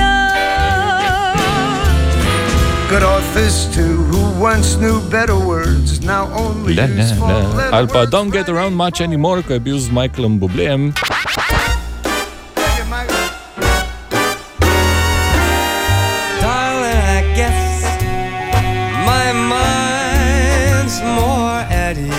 Ease. Pa še z Amy Winehouse, Body and Soul. I gladly surrender myself to you, body and soul. Ali pa They Say It's Wonderful. You leave your house some morning, and without any warning, you're stopping people shouting that love is grand. Taka glasba, ki jo vedno vidiš v filmu, ne? neki tam, ko so. Taki, ko, tako udobno okolje je, pa se vsi imajo fajn, pa Malo poslušajo, pa temno, en ne? na odru. Frank Sinatra na kavču, Ja. Bing Crosby nekaj hodi okoli, pa išče kozarce. Ne? Ja, tako. Uh, Kdo bi še bil? Sammy Davis Jr., pa je šel po pice. ne? Tony Bennett je koliko star? 95 95 let. let, let Mm. od, ustvarja Ja, pa že od leta uh, 1936, ko je bil 10 let star, je začel. Ja. Wow. To je res pohvale vredno. Uh, okay, uh, jaz mislim, da bi poslušali Tonija Beneta in Lady Gaga, zdaj če sta ravno izdala včeraj tudi uh, Novega. tisti nov hit. Ja? Olimpijske igre, Olimpijske igre, Olimpijske igre. Tokio 2020. Tako in pozdravljamo Tomaža Barado na Japonsko. Dobro jutro. Dobro jutro. Dobro jutro. Včerajšnji dan smo začeli s košarko, v upanju, da bodo naše punce eh, Špela in Anja prišli v finale v Kajaku, ker so dejansko bili tudi ene izmed glavnih favoritov za osvojitev medalje. Ampak eh, žal eh, med polčasom eh, košarkarskega dvoboja je že bilo jasno, da punce žal nista upravili z polfinalnim nastopom in sta izpadli. torej tudi obrnil sem v čovn in uh, dejansko niste imeli več nobenih možnosti, sploh da bi počasi prišli noter, kajti sledila je temu diskvalifikacija. Kar se pa košarke tiče, pa smo že včeraj dosti govorili o tem. Torej, fanti so napisali veliko zgodbo, oziroma pišejo veliko zgodbo, o kateri se bo še govorilo dolgo, dolgo časa. Je pa res, da so tukaj dobili res eno svojo ceno, da nas uh, zaradi njih eh, še bistveno bolj spoštujejo, bistveno bolj cenijo. Tako da ekipa je naredila svoje, oddelala svoje in s tem prinesla tudi Sloveniji še večjo prepoznavnost, kot jo imamo z posameznimi medaljami. Točno tako, uh, ampak eh, Tomaš, lahko kje upamo na kakšno medaljo, razen pri košarki? Ja, jaz verjamem, da Slovenci še niso rekli zadnje besede tukaj na olimpijskih igrah. Torej, že jutri nas eh, čakate tako Anja in Špela v kajaku na mirnih vodah posamezno. Jaz sem pripričan, da tudi eh, oni dve sta favoritni tudi v posamezni konkurenci. Prav tako sta Veronika in Tina v Jadranju trenutno na četrtem mestu, jutri imata zadnjo etapo. Tako da se jim lahko že kaj obrne in uh, stopite še korak više, torej na uh, želeno tretje mesto, ki bi seveda prinašalo tudi medaljo. Uh, zvečer pa jutri začne tudi naša Janja Garambrit, ki je zagotovo ena izmed glavnih favoritin za osvojitev medalje. Super, krasno.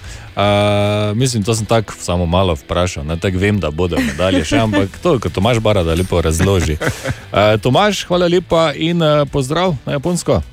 Lepo zdrav, Maribor. Uh, moram pa že danes izkoristiti to priložnost, da vas povabim na Mhm. sprejem, ki bo 10. augusta v Ljubljani. Uh, jaz upam, da si boste vzeli čas, prišli zaploskati tem našim športnikom in izkazati spoštovanje do tega, kar so dejansko za nas naredili. Absolutno. Bor, to bi lahko šla. Ti Bor, eh, Bor bo vzel avtobus, on je Radio City, ko ga imamo, ko se vozi Ja, po Mariboru. Bor. Pa gremo vsi dol. To sploh ni slaba ideja. Ne? Ne, Ker- ni. Vemo pa, da Marko ne bo vozil, ker Marko, ko vozi, se spremeni v ne vem, Žival. To je šimfa na olimpijski ravni, to je vse, kar mu rekel. To so laži. Eno stvar eh, sem pozabil, zelo pomembna, izredno pomembna informacija z olimpijskih iger v Tokiu, če je kdo eh, to zamudil. Eh, V igri ženskega hokeja med Argentino in Španijo se je kamera v zadnjih minutah tekme osredotočila na ščurka, ki je plezal po ograji in mu namenila nekaj sekund slave. To je uh, olimpijski spektakel. Olimpijski ščurek. Ja, uh, si lahko pogledate. Ne? Samo uh, Cockroach uh, Olympic Games v Google pa najdete to vrhunsko, vrhunski posnetek iz tekme. Ok, ta je bila ta pomembna informacija. In Bor, veš, kak je fajn, eh, da zdaj, ko lahko dejansko delam s tabo, eh, lahko tudi izbrskam iz baze kakšne stare posnetke, zanimive eh, zvočne učinke ali kaj podobnega, da se skupaj malo nasmejimo in spomnimo. Recimo, zdaj sem našel tega z naslovom Bor Lupčka. Glej, samo tu sem prej. ne vem, koga si vabil, ampak Glej, samo tu sem prej. upam, da so pobegnili. Aha, aha, aha, aha, aha, aha, aha efekt. 7 in 54 minut je na uri, čas je za aha efekt, eh, Bor Grajner, si tukaj. Ja. Okay, Dobro, dobro. torej, Emil je poslal vprašanje in sprašuje, ali muhe, obadi in ostali podobni mrčes voha boljše kot recimo psi. Zdaj tak je, ne? Uh, če bi bila olimpijska disciplina v vohanju, bi mi spadli v, po moje, naj bi niti prišli na olimpijado. Uh Mhm. -huh. Medtem ko pa eh, psi, za katere vemo, da izjemno vohajo, ja. bi bili favoriti, ampak pa v zadnjem trenutku muhe. Ne? Noben ni pričakoval, pumf, glej, olimpijsko zlato. Res. Wow, kaj je to? Ker um, muhe recimo, ne, imajo izjemen čut za von in lahko gnijoče meso zavohajo na izjemne razdalje za njih. Hmm. Kar je tudi logično, ne? predstavljaj si, muha si, letaš okoli, proti Japonci so čisti, kot hodične, nič nikjer. Po pa tam pol kilometra naprej vidiš, da je en kos mesa nekomu padel z vrečke, pa lepo gnije od zadaj za drevo. Okay, torej, to je znanstveno, da vohajo boljše kot uh, psi. Ne, zmislil sem si. Okay. In ta metafora z olimpijado je bila samo zato, pač, ker mi je dolg čas, za Marko. Okay. Hvala, Bor. Ali tudi vi pogosto totavate v temi? Aha, efekt, da boste vedeli več. Olimpijske igre, Olimpijske igre, Olimpijske igre, Tokio 2020. In je spet čas, da pozdravimo olimpijca, plavalca Mateja Šobo, danes v primerni opravi s plavalno kapico in očali. Lep pozdrav. In pa lepo zdrav, koničiva v Dobro neoprenski jutro. obleki, kajti danes je bilo na sporedu daljinsko plavanje za dekleta in o tem tudi najprej govorim, kajti tudi slovensko udeležbo poteka namreč 12. tekmovalni dan olimpijskih iger in kar 8 slovenskih nastopov je danes. Eh, Slišali smo že, da sta bili kajakašici v posamični konkurenci uspešni, se prebili v jutrišnji polfinale, no Špela Perše je plavala na 10 km, torej tisto morsko plavanje, daljinsko plavanje in bila na koncu razočarana 24. Že od začetka no, se mi zdi, da se nisem počutila prav dobro v vodi, uh, pa so me pa zelo hitro tudi drugače. Uh, mislim, vem, da to se ne bi smelo zgoditi, no, ampak uh, kljub poroči vodi so me precej krči, tako da sem zelo težko plavala, pa pa ne vem, nekako tekma, ker ni stekla tako, kot bi si želela. Ja, s tem mestom sigurno nisem zadovoljna. Ja, vseeno čestitke špeli, ne na zadnje, danes ima rojstni dan. Oh. Ja. Drugega pa uh, spremljamo seveda vse ostale športnike in ta trenutek je med slovenskimi športniki oziroma športnicami na delu najmlajša golfistka na golf turnirju v Tokiu, Pija Babnik.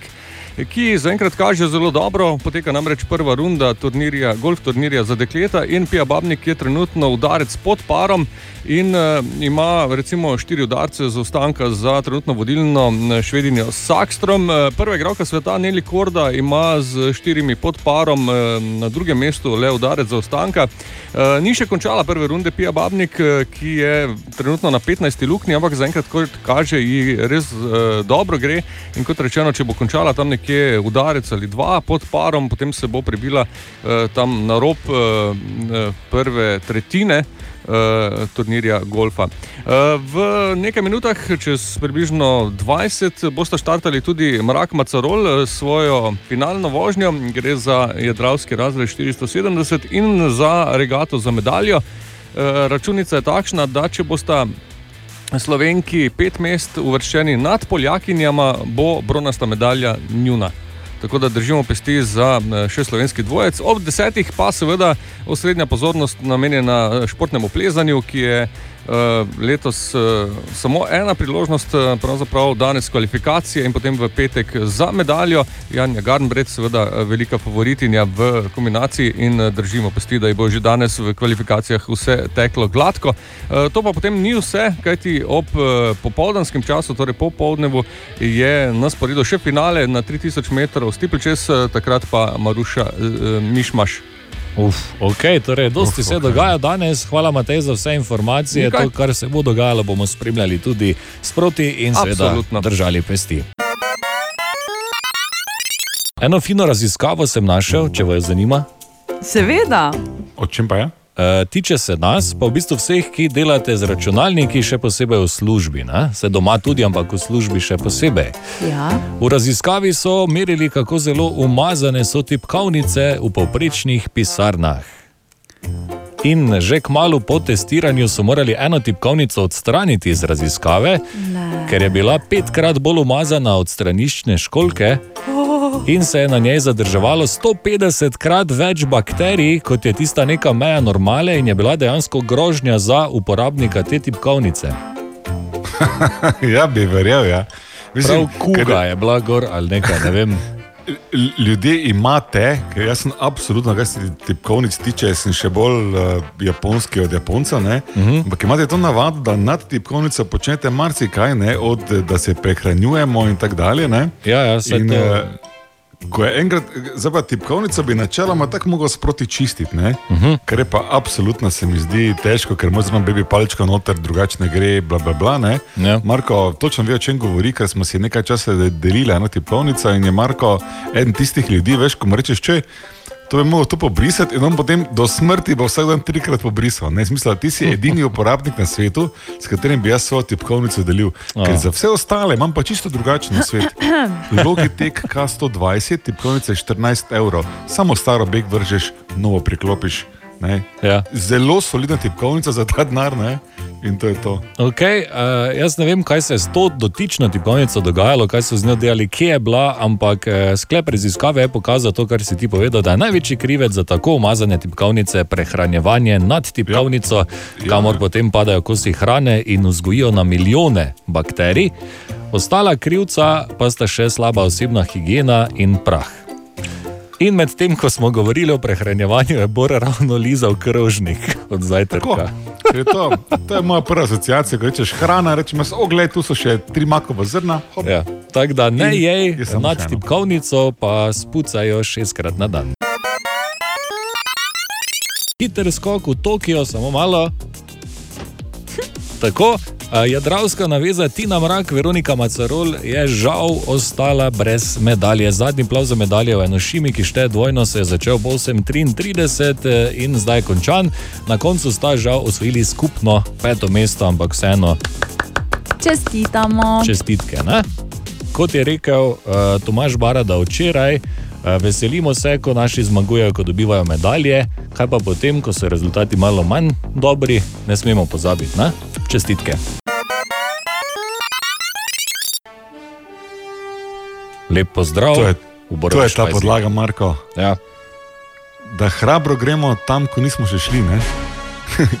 Tu pa tam v Borovi špajzi moramo malo pogledati tudi v prihodnost, ker uh -huh. tehnološko gledano svet se okoli nas razvija ne samo hitro, ampak pravzaprav vedno hitreje.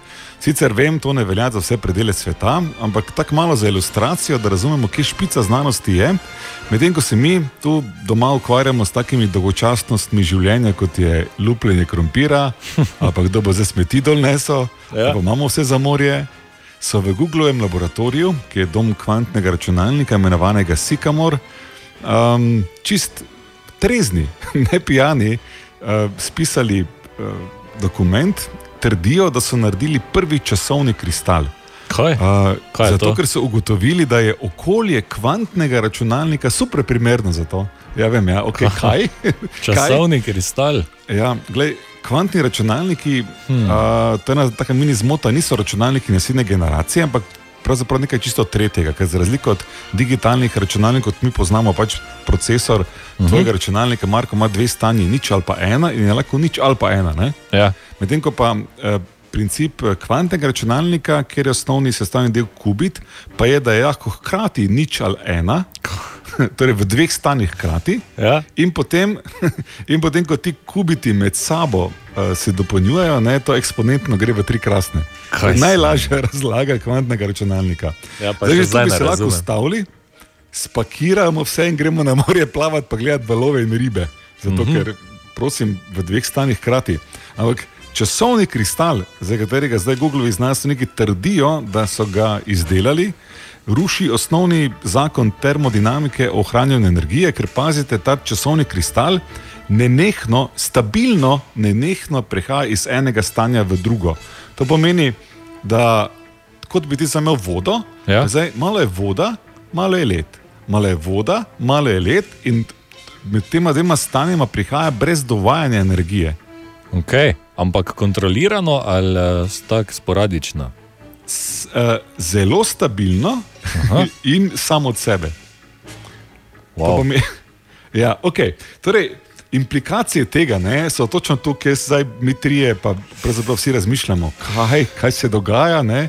Ampak tako, veš, ko vidiš, kje špica, zna, špica znanosti je, potem te stvari, kot so teleportacija, eh, potovanje v hipo na drugi konec vesolja in tako, postajajo malo bolj logične, ker pač razumemo, da eh, fizika, kot smo doslej poznali, ne, ker večinoma mi razumemo fiziko do kvantne. Oziroma, kvantne je naprej nismo poznali. Ja. oziroma bi jo lahko poznali iz osnovne šole, ne, je nekaj, o čemer se bodo še v zgodovinskih knjigah uh, učili, Hmm. zato ker je uh, sama narava bivanja, sveta, življenja vesolja neprimerno bolj pretkana, nor? fina in v večjih stanjih hkrati. Ampak meni- Jaz sem za bistvo tu pa se menimo, ne, ampak definitivno sem vsaj ne, še zraven na plaži z nogami v morju.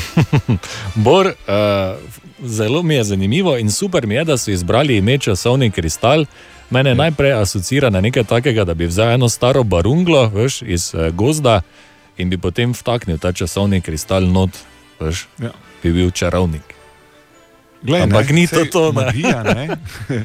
Uh, magija je nekaj, uh, kar je nerazložljivo, samo dokler znanost ne prije, pa reče samo malo. Se to ni nobena čarovnija, ne? To je samo kvantno prehajanje.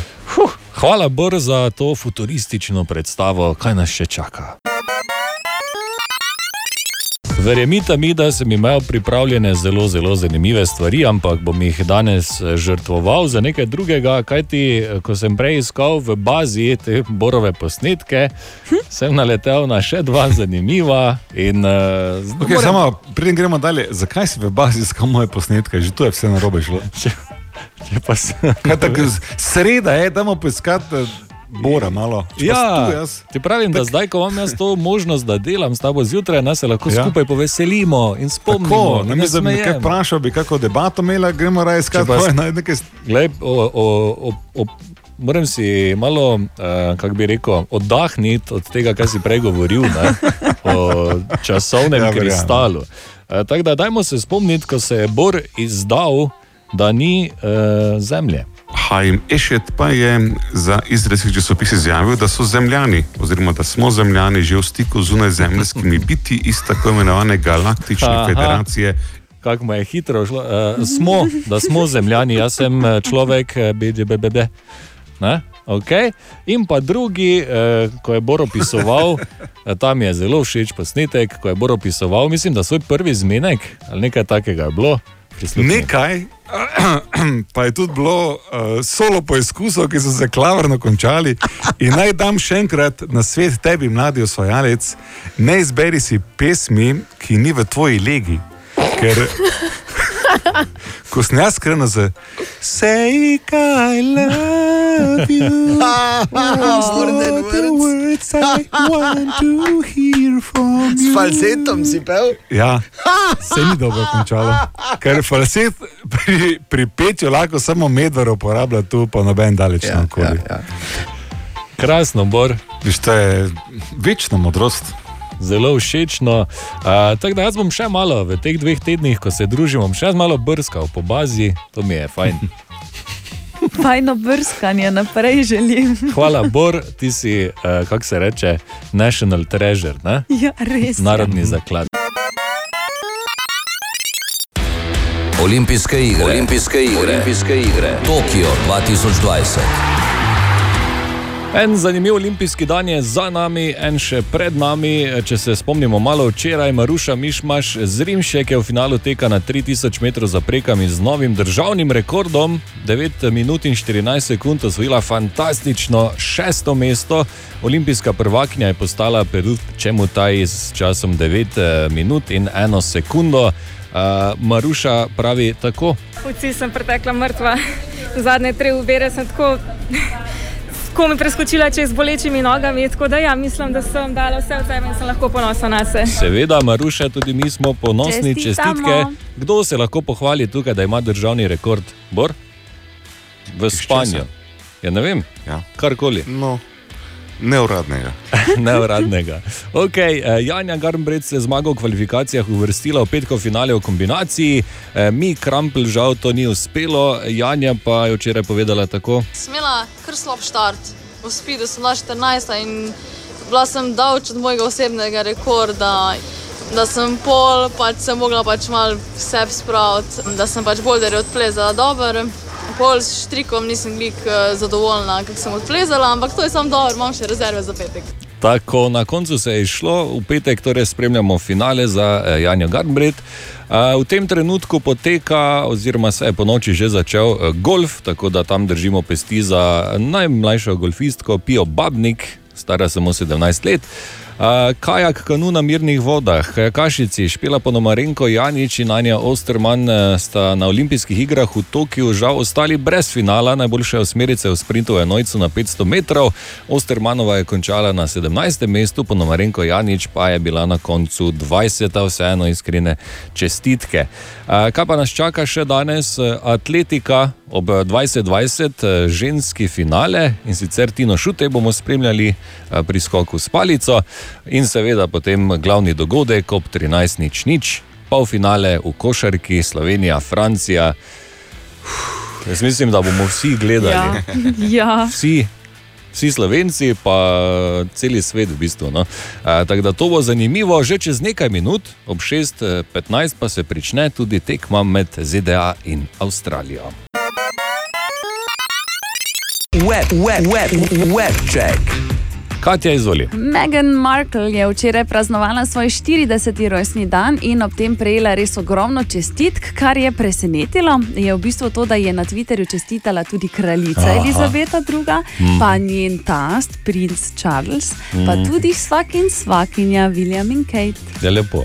So pa vsi zraven delili slike iz leta 2018, tako da ne vem, s čim je to. Spominjajo se Ja. dobrih časov. Dobrih časov.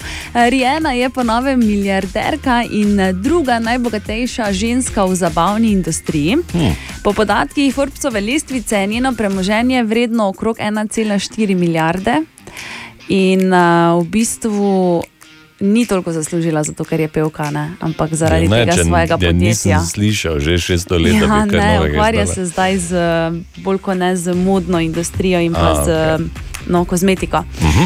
WhatsApp ima novo funkcijo in sicer je sedaj možno pošiljati slike, ki jih naslovnik lahko vidi samo enkrat. To že Mhm. poznamo pri Instagramu, pa recimo pri Snapchatu. In če je še nimaš, potem eh, logično si moraš posodobiti aplikacijo.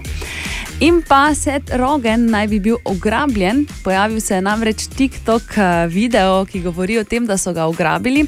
No, seveda je novica lažna, oglasil se je sam in pa je povedal, da pač ne, odkot in kaj in zakaj in da je varen in doma. Yes, super, da nam niso ugrabili Setha Rogena. Ja. Ne se je faca z enim smehom. ja, uh, ok, to je to, Katja. to je to za danes. Hvala lepa, Bora pa smo izgubili, ker je le četrtek. Web check. Ena od treh, treh, treh. Jutranji sprehod po zgodovini popularne glasbe. JSPZPG v četrtek zjutraj, uh, Louis Armstrong. Pa se mi teže kratice zapomniti, po mojem. Ne, ker, ker jo vidim tu napisano. Zato. Jutranji sprehod po zgodovini popularne glasbe. Okay. Bravo, daj si en aplaus. Je, tak. Evo. Učnega enega. Uh, Louis Armstrong se je rodil na včerajšnji dan, 4. avgusta leta 1901. Poznamo ga vsi, Mhm. ali pač poznamo. Seveda. Svoj prvi inštrument je kupil z denarjem, za katerega je delal pri bogati judovski družini. V znak hvaležnosti je potem kasneje okrog eh, vratu ponovadi tudi nosil Davidovo zvezdo. Uh, prvič se je glasbe učil v mladoletniškem priporu in eh, je tudi eden prvih zvezdnikov, ki so ga aretirali zaradi posedovanja drog. Seveda. Okay. Večino časa je imel popolnoma uničene usnice, saj je tako močno pritiskal na trobento. Okay. To je predanost. Na?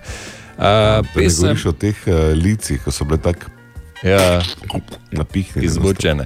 Uh, pesem What a Wonderful World pa v njegovem času ni bila hit, ne? tako tisti stari pesniki, tako potem 600 let kasneje. Ja, Ja. ja. Uh, kak pa je, to pa je Ja. ja. vrhunsko. Takrat pa jih niso Takrat cenili. pa je ne. bil revež. Uh, ok, Louis Armstrong, poslušali bomo kaj takšnega. I see friends shaking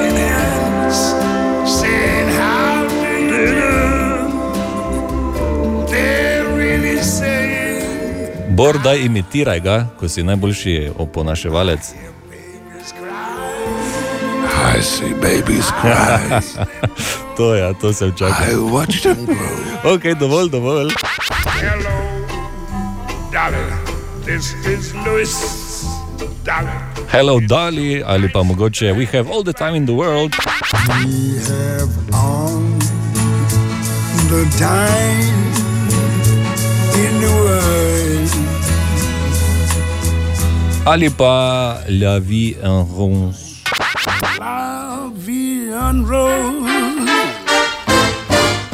Oziroma v ameriški angliščini La Vie en Rose. Ne, kot reče. Uh, ok, Louis Armstrong, torej včeraj, uh, na včerajšnji dan se je rodil. 5. august, dan polfinalne košarkarske tekme med Slovenijo in Francijo. Ne vem, kak sta vidva, meni se luštajo neki kanapeji na francozu. Mm. Mm. Ali ne? Ali Ja, kaj? ja, ja, ja. Ja, Pa okej. kak, kak, kakšni rogliček zraven francoski. Ja, vse potamanimo danes. Olimpijske igre. Olimpijske igre. Olimpijske igre. Tokio 2020. In je spet čas, da se preselimo malo na Japonsko, v Tokio, kjer je seveda podpredsednik Olimpijskega, Olimpijskega komiteja Slovenije Tomaš Barada. V prostem času, ki ga tam nima, dosti pa uh, je tudi naš uradni poročevalec z Olimpijskih iger, uh, Tomaš, dobro jutro. Dobro jutro. Dobro jutro. Danes je dan, ko nekako v slovenskem taboru so vse oči odprte proti košarkašem, torej je dvoboj, polfinalni dvoboj med Francijo in Slovenijo. Jaz pa ne morem mimo dejstva, da smo včeraj prav tako osvojili res vrhunske rezultate. Ne. Tina Mrak, Veronika Macerol so osvojili peto mesto v Jadranju, uh, Maruša Mišmas šesto mesto, zraven tega državni rekord, ki ga je izboljšala skoraj za dve sekunde na 3000 metrov za zaprekami. Jane Garambret, eh, prvo mesto v kvalifikacijah, vrhunsko plezanje, petek jo čaka v finale, torej 8, 8 najboljših. Zdaj, to so rezultati, ki Slovenijo res delajo veliko. Ne? Torej, prihajati v takšnih športih, v tak, taki širši izbor je res nekaj posebnega.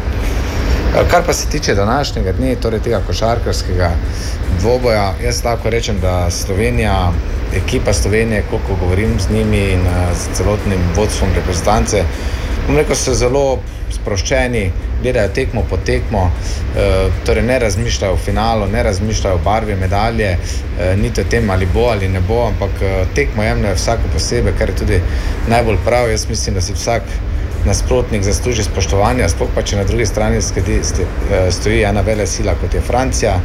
Tako da dajmo korak po korak eh, in verjamem, da bomo naredili vse, da bomo to tekmo zmagali oziroma še bolj razveselili slovensko javnosti. Tako, uh, koliko še, šest ur še. Ja. Uh, okay. uh, hvala lepa, Tomaš, uh, za tvoj čas. Uh, lep pozdrav na Japonsko.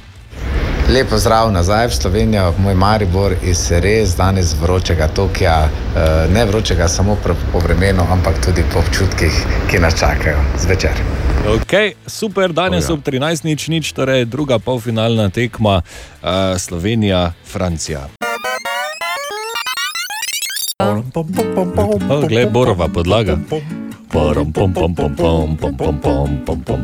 Ok, eno uh, prikupno zgodbo sem prebral včeraj, mi je bila tako zanimiva, da jo moram deliti naprej. Uh, v Španiji so se policisti odzvali na pritožbo zaradi motenja javnega reda in miru, in po prihodu na kraj so ugotovili, da je zabavo, torej z glasno glasbo, pravzaprav priredila mačka, Kaj? ki je prižgala radio.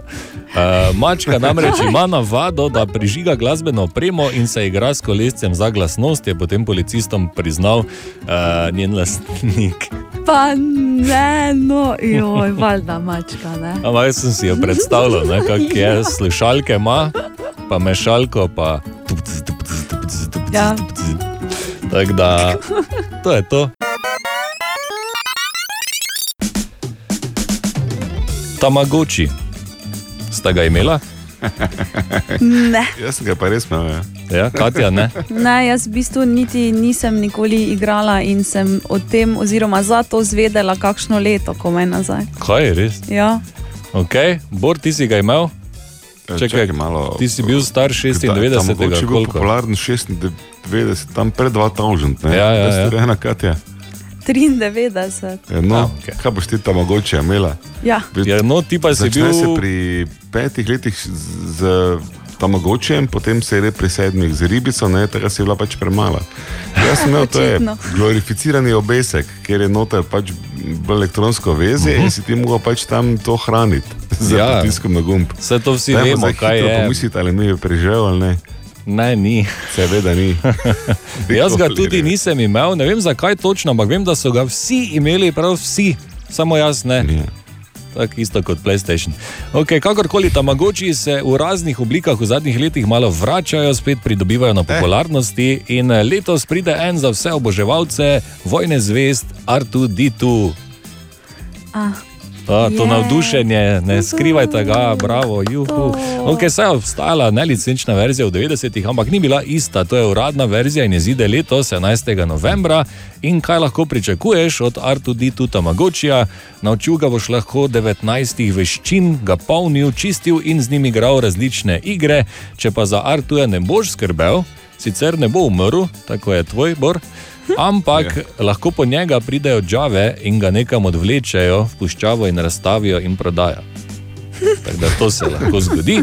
Eh, 11. novembra torej izide, ali ga boste kupila. Ne. Ne? Okay. Sem se vseeno malo tehnološko razvil od takrat. Okay. Jaz bi ga samo iz nostalgičnega principa, ker ga nikoli nisem imel. Ne, dobro jutro. O, Tine! Ja, dobro Lepo zdrav. Sem Dobrodošel samo hotel povedati, da jaz ga nisem imel, imeli so ga vsi moji prijatelji na dvorišču. Evo, isto. Vsem so umrli. Ja. In ker sem videl to žalost, neko tega snočem, ker tako vem, da mi bo crkno. tako vem. E, to tega novega pa jaz tako dobim, ker, okay. ker ja, pravim fanom, ker pošljem. ne. A, okay. Te bi ga jaz tudi mogel.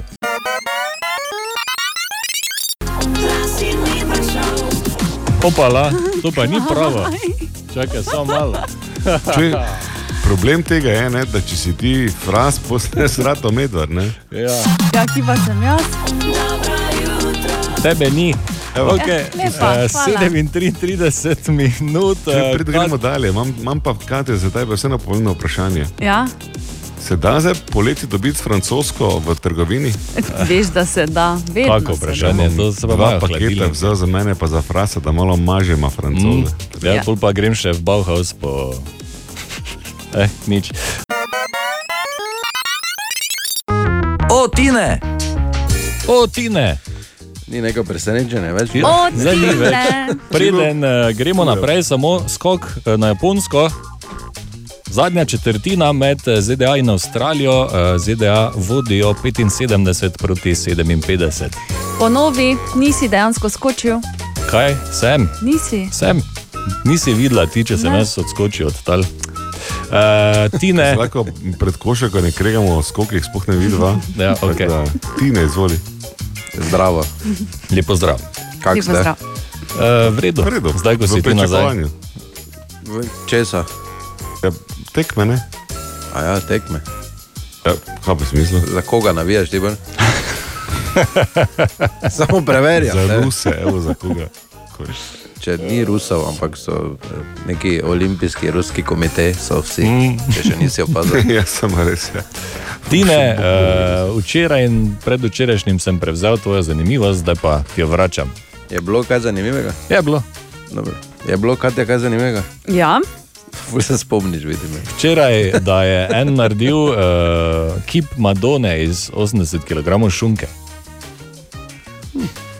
Ker vredno, ne? Pa kar dobro. no Ja. to informacijo sem želela pozabiti. Ne? Ok, izvoli. Torej, leta 1624, Mhm. ko si ti vrtec hodobor, je papež, je papež Urban VIII prepovedal kajenje po celem svetu. Zakaj? Zato, ker je tobak, eh, bi naj te dražil k kihanju. Mhm. Kihanje pa naj bi bilo zelo podobno eh, tem občutkom orgazma. Tako da, se to sploh zgodi. Ja, če je bilo 1624. Še, pre, še premalokrat zato. sem pampuš rekel veter več. Pa kaj si, no. Okay, eh, Tine, kontra, živalska zanimivost od mene. Da Če čujem. te zanima, zakaj imajo žirafe črn ali vijoličen jezik? Ker je v njem ogromno melanina, ki jezik ščiti pred sončnimi opeklinami. E, to je namreč nuja, ker žirafam jezik zraste do 60 cm in je izpostavljen sončnim žarkom približno 12 ur na dan, ker se tako dolgo žirafe prehla- prehranjujejo. Pol dneva samo jejo.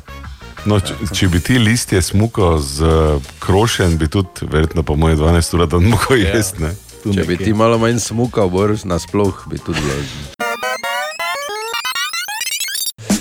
Čas je za vprašanje za aha efekt Katja. Danes imamo vprašanje Klemna, ki ga zanimamo, zakaj jokamo, oziroma se nam solzijo oči, ko smo utrujeni. To se dogaja? Jaz Ja. spim, ko sem utrujen. Ko ne moreš spati, recimo. Rad bi spal, ko sem utrujen. A, Ne vem, če pa okej. ne moreš spati. Mhm. Očitno se dogaja. Ja, meni se dogaja. Okay, Klemen in Katja, vama Samo se malo, dogaja. začakaj malo. Kdo je za to? Klemen ali Katja sprašuje? Je Klemen za Katja, sprašuje, jaz pa sem samo rekla, da meni se to dogaja. Da si nisi dala gor klobuk pa očala, pa zdravo, jaz sem Klemen. Klobuka in očal. Uh, okay. V Mariboru sem doma. To nima veze, to ni izgovor. Zato, ker je v dialektu. Podcenjuješ vse mariborčane, ki znajo rodilnik uporabljati. Ja, znotraj novic bom uporabljal rodilnik, izven novic bom govoril tako, da me Katja razume. Okay, zdaj, bom Ja, pozor, ne zdaj bom pozoren na vse tvoje novice in ne smeš več Ja, nikoli rodilnika Pridi, pridi, pridi. zgrešiti. Okay, uh, vreme, Ne. Katja. Povejta ga. Prej sta me izključila, ker sta fras in medvar, zdaj Okej. sta mi rekla, da rodilnika ne razumem vredno. Danes eh, dežuje in še bo močno deževalo do 24 stopinj. Na cestah bor. Kaj, boš promet prevzel, če si že Ne. Katjo, ne, ne, boš ne. Eh, Na cestah mokre so in spolske, tako da prosim previdno. Na menem prihodu Gruškov je ostaja stanje nespremenjeno, za vstop v državo začaka okoli pol ure, previdno, strpno in počasi. Če ste vi naleteli na karkoli, 211, 211, vseh mejnih prehodih, eh, vseh mobilnih omrežjih ali uporabite povej na radio City app. Aha, aha, aha, aha, aha, aha, aha efekt. Aha, efekt vprašanje danes postavlja Klemen, ki sprašuje, zakaj jokamo, oziroma se nam sozijo oči, ko smo bolj utrujeni. Aha. Torej, um, Katja je rekla, da je ena izmed teh, ki se jim to dogaja. Tako da, Katja, gremo kar skozi tvoje telo, začela bova najprej, bomo z mislijo obila celo telo, ko je telo utrujeno, si ti cela utrujena. Ne? Ja. Zdaj pa zožimo najno pozornost na tvojo glavo, kjer imaš ti par oči in ko si ti cela utrujena, so oči Ja, utrujene. Tako. In mimo grede, ko oči postanejo utrujene, tudi veke so utrujene. Torej, uh, zaradi tega se potem tvoje utripanje vek, oziroma zapiranje vek zmanjša. Ko se zapiranje vek zmanjša, se zgodi kaj? Oko je bolj suho. In A. paradoksalno, bolj suho kot je oko, ne, bolj se ono sozi, ker pač na vse kriplje poskuša še malo podmazati. Mm, mm. Zelo dobra razlaga. Razumljivo. Kratka in jedrnata in razumljiva. Bravo, Bor. Hvala. Ali tudi vi pogosto totavate v temi? Aha, efekt, da boste vedeli več.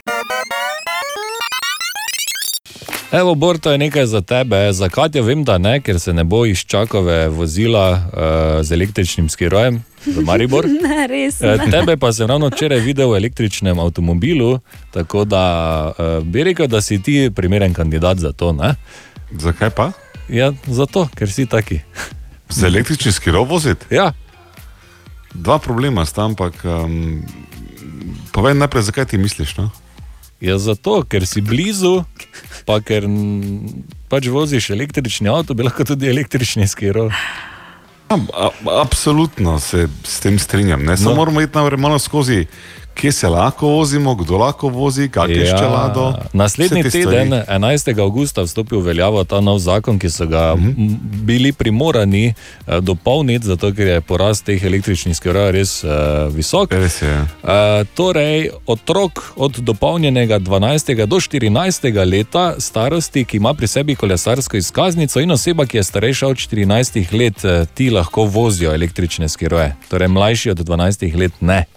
Mhm. Pa kolesarsko izkaznico moraš imeti zraven, če si med 12 in 14.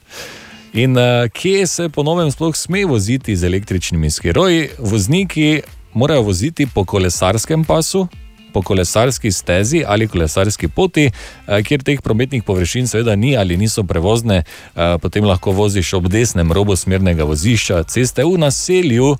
Kjer je najvišja, najvišja dovoljena hitrost, torej 50 km/h, ne smeš iti zdaj ven na regionalno, pa ga sfrizirati, pa 90, ne?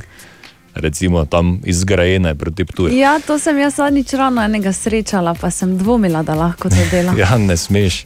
Ali je čera- čelada res obvezna, se morda sprašujete. E, ja, do dopolnjenega 18. leta starosti je čelada e, obvezna, drugače potem ni, je pa seveda priporočena.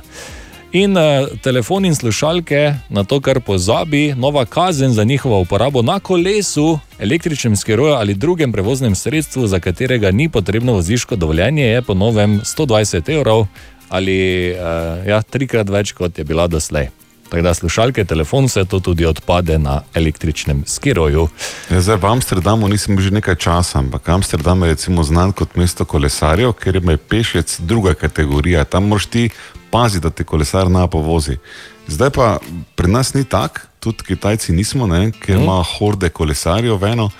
Uh, imamo drugo težavo ali pa izziv. Uh, ta kompromis, ne, kdaj kolesar, torej tudi nekdo z skirojem, lahko res skozi mesto.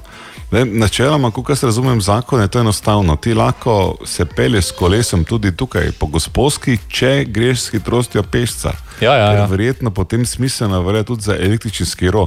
To je zelo pomembna stvar, zato ker uh, bilo bi grdo jih eh, ven vreč, ampak morajo pa ljudje na kolesu, pa skiro razumeti, da tam, kjer pa pešci prevladujejo v pešconi, Mhm. je za otroke, recimo, pa tudi za take počasne starejše osebe, kot sem jaz, nevarno, da te en butl od zadaj rukne s 25 km na uro, ne, Tako. ker bo te oba slabo odnesla. Torej, skiro zna biti nevaren, če se ne uporablja pravilno. Bravo. Bor, torej v conah za pešce samo največ 10 km na uro, malo počasi. Hitro hodiš ti? Ja. Dober tek, če ješ francoza, pa je don francoska, pa potem še moraš nekaj zašraufa doma s francozom. Pa tak, ne? to, to je Pač- danes tema. Francoze bomo vzeli v roke. Ne? Tako. In smo tukaj v Borovi špajzi. Dobro Tak, jutro. evo, vsak eno košarkarsko žogo pa bomo zdaj vodili gor po dol po terenu, ker danes je dan za košarko in v tem trenutku, ko lahko že dobro čutimo napetost in euforijo pretekmo, si lahko samo mislimo, kak napeto zdaj ni mora biti. Ker to so vseeno mladi fantje pred odgovornostjo življenja v tem trenutku. Ampak dobro, natrenirani so, športniki so, kaj lahko gre na robe. E, Marsikaj. Francija je tudi, vemo, američane lepo peljala ne, za roko. Tako da francoska ekipa zna biti izjemno neugodna, kar pa pred nas postalo drugo vprašanje. Ali si dopustimo, da nas zdaj euforija absolutno odnese, da skačemo, kljub temu, da vemo, da statistično gledano obstaja dobra šansa, da tudi se pa ne izvlečemo iz današnjega srečanja kot um, zmagovalci. Ne? Hmm. Torej, kaj je boljše v življenju? Biti previden in potem ne preveč žalosten, če kaj narobe, ali iti na polno, ne?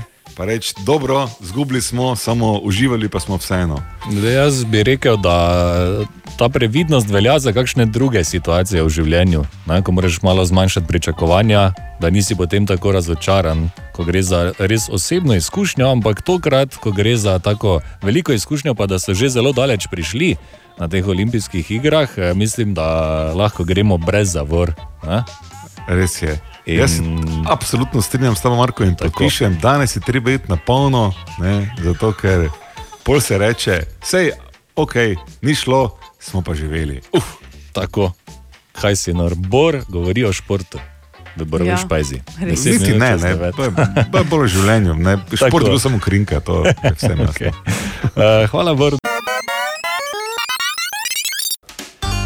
Vidva vesta, da imam jaz rad živali. Ne? Ja, Ja, In- in... Kako kak se zamenjamo? Že v tisti obliki, ko hrustljajo malo, ali ko ima še kaj znogor? Oboje. Oboje, ne? Ja. Ne, to In- razčistimo samo. Ja, ja, posledično vedno iščem zanimivosti v živalih, ker mi je zanimivo, ko izvem nekaj zanimivega v živalih. uh, zanimivo. Ja. Še bolj mi je zanimivo, ko lahko potem povem naprej. Wow, kako kul. Cool. Ja. Uh, ena... Poslušaj, Dekatijo. Wow, zanimivosti ži- o zanimivih živalih, zanimivo. Wow. Ja. Noro. In ena od bolj fascinantnih stvari mi je vedno bila gradnja ja. jezov, ki jih delajo bobri. Mhm. Ne? In zakaj to delajo? V osnovi so to njihova domovanja, ampak bi si Ja. jih brez skrbi lahko naredili kje na obrežju, ne ravno na vodi. Ne? Ja, No, raziskave skozi leta so pokazale, da imajo bobri neko zamero do zvoka tekoče vode. Ker so v eksperimentih bobre vzgojili v jetništvu in, poti, in jih potem spustili v reko, in so takoj začeli graditi jezove. Ne? Potem pa so jih dali v mirno vodo in niso delali nič, zakopali so se v blato. Potem pa so jim predvajali zvoke tekoče vode in so takoj začeli graditi jez, ampak gor na zvočniku. Torej, oni v bistvu delajo zvočno izolirajo si sobo. Ne? Tako. Potem so dodali eno prozorno cev in skozi njo točili vodo, pa Bobrov to ni zmotilo, še vedno jih je motil zvok in so jez gradili še naprej gor na zvočniku. Wow. Svetovno. In zdaj mi Bobri niso več tako kul. Cool. zakaj ne? Ja, ker jih lahko na 15 iš, če imaš Bluetooth zvočnik, pa Ne, YouTube ne, ne, posnetek ne. tekoče vode. Da ti kar Ja, tu sredi ne, ne, ne, ceste. Ne, motiš se. Bobri so super, koliko je. Zdaj ti ko me razumeš, da so bobri so v bistvu totalni radici. Ne? Ja. Oni so tehniki, A, radijski. tako U, je. tu bomo zdaj malo izolirali. Uh Mhm. -huh. ne, aha, gledaj tu, kako se zvok lobi. Ne, ne, ne, tu bomo malo od, od, od, od zvočnika odmaknili, tako naredili, tu preko eno. Ja, to gor dvigni, u, to bo dobro, nič se ne bo čulo. Okay, zdaj, ko pa si tako povedal, zdaj pa so mi spet kul. Cool. Hvala Bogu. Olimpijske igre. Olimpijske igre. Olimpijske igre. Tokio 2020. 9 in 35 minut je na uri in z največjim veseljem spet pozdravljamo El Primo novinarja Mateja Šubo. Dobro jutro. Halo. Dobro jutro. Zdravo še enkrat uh, iz Olimpijskega studia, tako rečem, uh -huh. uh, kjer eh, preden se posvetimo današnjim vrhuncem, to pa sta seveda uh, polfinale košarke in pa skok s palico, še morda uh, pogled nazaj in na nek način naprej. Uh, še enkrat se bomo ozrli na včerajšnje kvalifikacije v športnem plezanju. Uh, ko je Janja Garnbred sicer uh, bila prva na koncu, ampak uh, že sama po uh, včerajšnjih kvalifikacijah priznala, da je imela borbe sama s sabo, da je Trema naredila svoj prvi olimpijski nastop v disciplini, je v kateri je dominantna in pravi, da je po tistem eh, slabšem začetku v hitrostnem plezanju morala se kar precej uh, pomeniti resno sama s sabo. Ma, jaz sem imela kar nervozen štart v tole tekmovanje. Mislim, nikoli tega od mene ne bi pričakoval, ker nekako na svetovnih pokalih, pa prvenstvih nisem nikoli tako nervozna, niti pol toliko, kot sem bila pa danes. Uh, tako da sem imela, ja, sem imela kar slab štart. Uh, v Spidu sem bila 14 in bila sem daleč od mojega osebnega rekorda in nekako, v glavnem, nisem dobro zaštartala. Ampak pol. Pol sem malo jokala po spidu, ampak se mi zdi, da je bilo to samo dobro. Ja, potem naprej je šlo vse gladko, in uh, dejansko je na koncu si postila prostor za napredek tudi za finale, ki bo jutri. Torej, po istem receptu jutri, uh, najprej zjutraj ob desetih uh, hitrostno plezanje, potem uh, bulderi in na koncu še uh, težavnostno, uh, kot to napravi štrik. Um, in tudi tam še ima prostora za napredek. No, kot rečeno, danes eh, dva vrhunca iz slovenskega zornega kota. Najprej ob 12. bo Tina Šutej v finalu skoka s palico skušala priti čim više. Uh, od prijavljenih, oziroma od finalistk, 15 finalistk, ima eh, kar dober rezultat eh, letos. Samo tri so med finalistkami, ki so letos preskočile 4,90 m. Uh, to so uh, Britanka Brečo, pa Rusinja Sidorova in uh, Američanka Negioti. In uh, zagotovo med temi tremi je iskati uh, kandidatko za uh, olimpijsko prvakinjo, ampak če bo katera izmed teh treh uh, naredila kakšno napako, potem so tu od zadaj pa vse ostale. In med nje sodi tudi Tina Šute, ki je v kvalifikacijah uh, višine.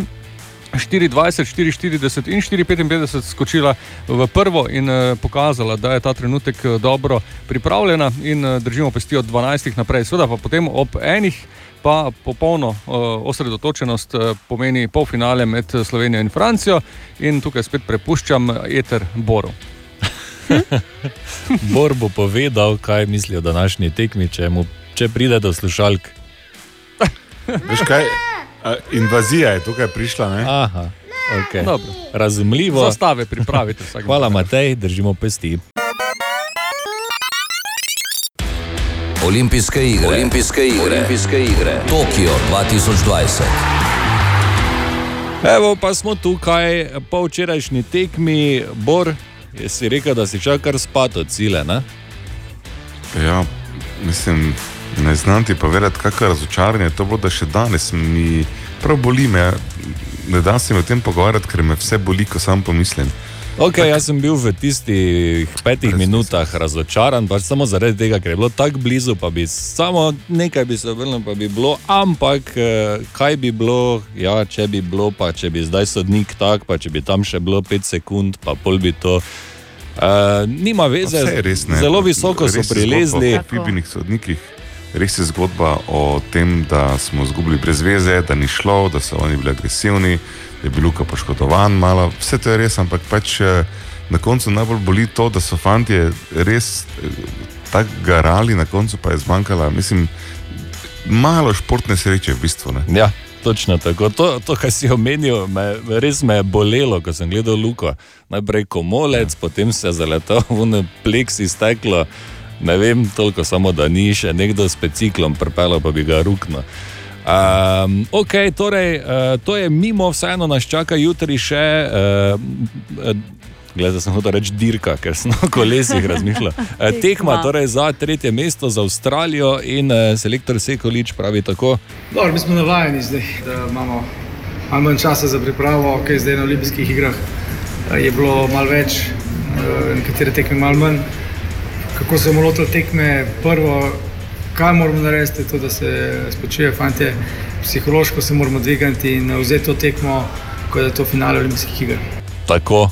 Odlična priprava, naj se danes malo spočijo, jutri pa spet na polno uh, nazaj. Medtem uh, tudi Tina Šute je včeraj končala v finalu skoka s palico, v prvem pre- poskusu preskočila 4,5 m, uh, kar jo je potem pripeljalo do odličnega petega mesta, tako da bravo, Tina Šute.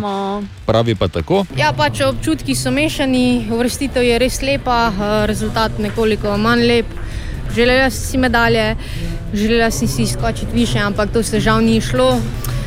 Organizator je naštimal višino, višine tako, da je enostavno na drugi višini izpadlo 11 tekmovalk. Ojoj. Okay, eh, Tina Šute je kljub temu eh, iskrene čestitke. Kaj nas čaka še danes? Eh, Danes po noči se je spet začel golf za ženske, tretji krok računamo na Pijo Babnik, držimo pesti. In pa seveda glavni dogodek danes, športno plezanje. Janja Garmbred v finalu, torej ob 10:30 kombinacija, eh, hitrostno plezanje, potem ob 11:30 balvani in ob 14:10 še težavnost, tako da danes še močno stiskamo pesti. Kje so pozitivne misli, Katja in Bor? Uh, V pojstle. pa dobro. Petek Če, je, okoli zbudita se. treh so zadnje šle. Pa ne, če pa je jutri za tretje mesto, bron dobimo pa danes še Garmbred, tako da dajte se zbrati malo. Gremo drugam, da ti jaz razložim, samo kako sem jaz včeraj žaloval po tekmi. Ne? Eh, Proti koncu tekme že sem bil živčen, tako da sem šel brati neke naključne članke po spletu. In med tekmo, kaj. Ja, ker sem imel na zraven, sem si razdelil na ekranu, ne? na polovico. Ja, In uh, sem naletel na Salvadorja Dalija. Uh, moj najljubši umetnik. Res? Ja, Okay, potem me zanima. Samo da vprašam, kaj ti je zaradi brkov, ne, pač pa. zaradi njegove umetnosti. Okay. Uh, no, potem sem skočil v zajčjo luknjo uh, Salvadorja Dalija in našel nekaj zanimivosti, če vaju zanimajo, drugače vam dam muziko. Seveda, ti samo povej. Zdaj me zanima tudi, če ti to poznaš, glede na to, da je tvoj najljubši umetnik. Okay. Okay. Joko Ono je enkrat Salvadorju ponudila 10 tisoč dolarjev za eno dlako iz njegovih slavnih brkov. Eh, Salvador pa je na mesto dlake prodal en list trave, ker se je bal, da je Joko čarovnica in bo dlako uporabila v kakšnem zvarku oziroma v roku. Ta zanimivost tudi ni stoprocentno preverjena, zato ker Salvador Dali, takšen kot, takšen kot je bil, je tudi sam rad ustvarjal eh, zgodbe o sebi in jih potem plasiral tako v javnost. Mhm. a? Tako da ta ni čisto ziger. Ja. Uh, je pa to ziger, zato ker ni več bil zraven. Leta 2017 so Salvadorjevo telo odkopali po 28 letih, eh, da bi rešili eno zadevo z očetovstvom in kaj so ugotovili? Za očetovstvo ne vem, ampak eh, pravijo, da so njegovi brki bili še vedno v klasični poziciji 10 čez 10. Kaj? Ja. Salvadorja so želeli imeti tudi v filmu Dune, ampak eh, takšen kot je on pač bil, je želel največjo plačo od vseh igralcev vseh časov. Ja, seveda. Ne? In ugodili so mu, plačan je bil 100 tisoč dolarjev na uro, ampak so njegovo vlogo tako priredili in zmanjšali, da so za snemanje porabili samo eno uro. Tako da so zmagali obojni. Uh, in ali sta vedela, ena stvar, ne vem zakaj nisem tega vedel, meni je bila fascinantna, da je Salvador Dali zaslužen za logo od Čupa Čups. Tako da nisem vedel. Kako je to možno? Tako da, ja, to, to se zgodi, ko gledaš napete tekme na olimpijskih tekmovanjih in potem zraven googlaš, ful, da si pomiriš živce. Jaz se tako učim, jaz se ful učim, celo življenje sem že živčen. Ena od treh, treh, treh. Jutranji sprehod po zgodovini popularne glasbe. Yes, JSPZPG, spet je čas, da se malo sprehodimo v preteklost. Danes ne tako zelo nazaj, kot je bilo recimo pred eh, dnevi s Tonyjem Bennettom, ki je praznoval 95. rojstni dan. Danes imamo na sporedu Jerry Halliwell, ki danes praznuje svoj 49. rojstni dan. Tako Bor je stara. Ha, O, pa res. Lepo. Uh, v 90-ih seveda veljala za kraljico, grpavja in eh, modno ikono, znana tudi po obleki iz zastave Velike Britanije, ki jo je naredila sama s pomočjo uh, svoje sestre. Uh, vzgojena je bila Jerry kot uh, Jehova priča. Aha, Okej. ja, ok. Ja, A- to, je, to je kar nekaj teh uh, znanih glasbenikov, zadnje čase ugotavljam. Ja. Eh, Preden se je pridružila skupini Spice Girls, je delala kot model, plesala je v nočnih klubih, delala je tudi na televiziji in enkrat med obiskom kraljeve palače naj bi v rit uščipnila princa Charlesa. Bravo. To je v Vsaka redu. čast. Se lahko da na življenje pis, doda gor. Uh, ok, Jerry Halliwell, torej, kaj bomo poslušali?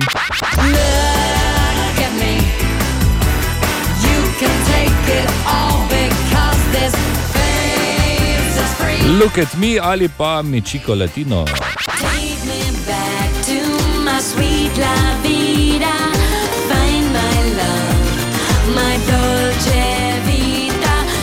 Ali to priredbo.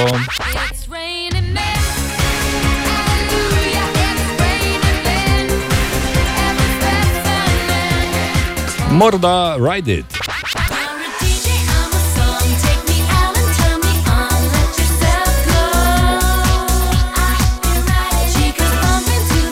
Zakaj ne plešete? Jaz ne razumem, no, kaj se dogaja tu.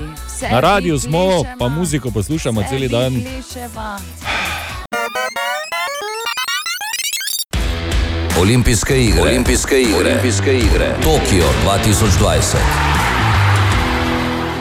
Po zelo živčnem, napornem dnevu lahko spet pozdravimo Tomaža Barada. Dobro jutro. Dobro jutro. Dobro jutro. Včerajšnji dan tukaj v Tokiu, vse kar se slovenske olimpijske reprezentance tiče, je bil v znamenju atletike, kjer je naša Tina Šutej v skoku za palico dosegla izvrstno peto mesto. Sporedno s tem dogodkom pa je potekal tudi košarkarski polfinalni dvoboj med eh, Slovenijo in Francijo. Kaj naj rečem za ta dvoboj? To je dejansko bila borba živcev, eh, zelo napeta partija.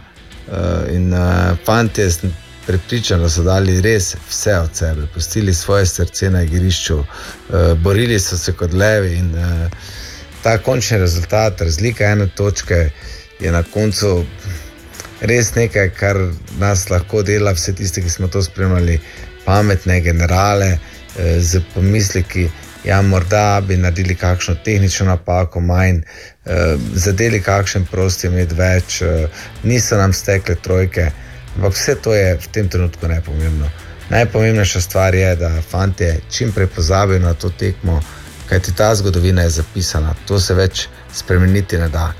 Pomembno je, da se stavijo svoje misli v borbo za tretje mesto in uh, ja, prej, ko jim bo to uspelo, lažje jim bo igrati. In, uh, jaz pa verjamem, da imamo reprezentanco, ki je sposobna to tretjo tekmo, mislim, to tekmo za tretje mesto odigrati na najvišjem nivoju, pokazati, da si dejansko to medaljo res zaslužimo in uh, gremo, gremo na medaljo.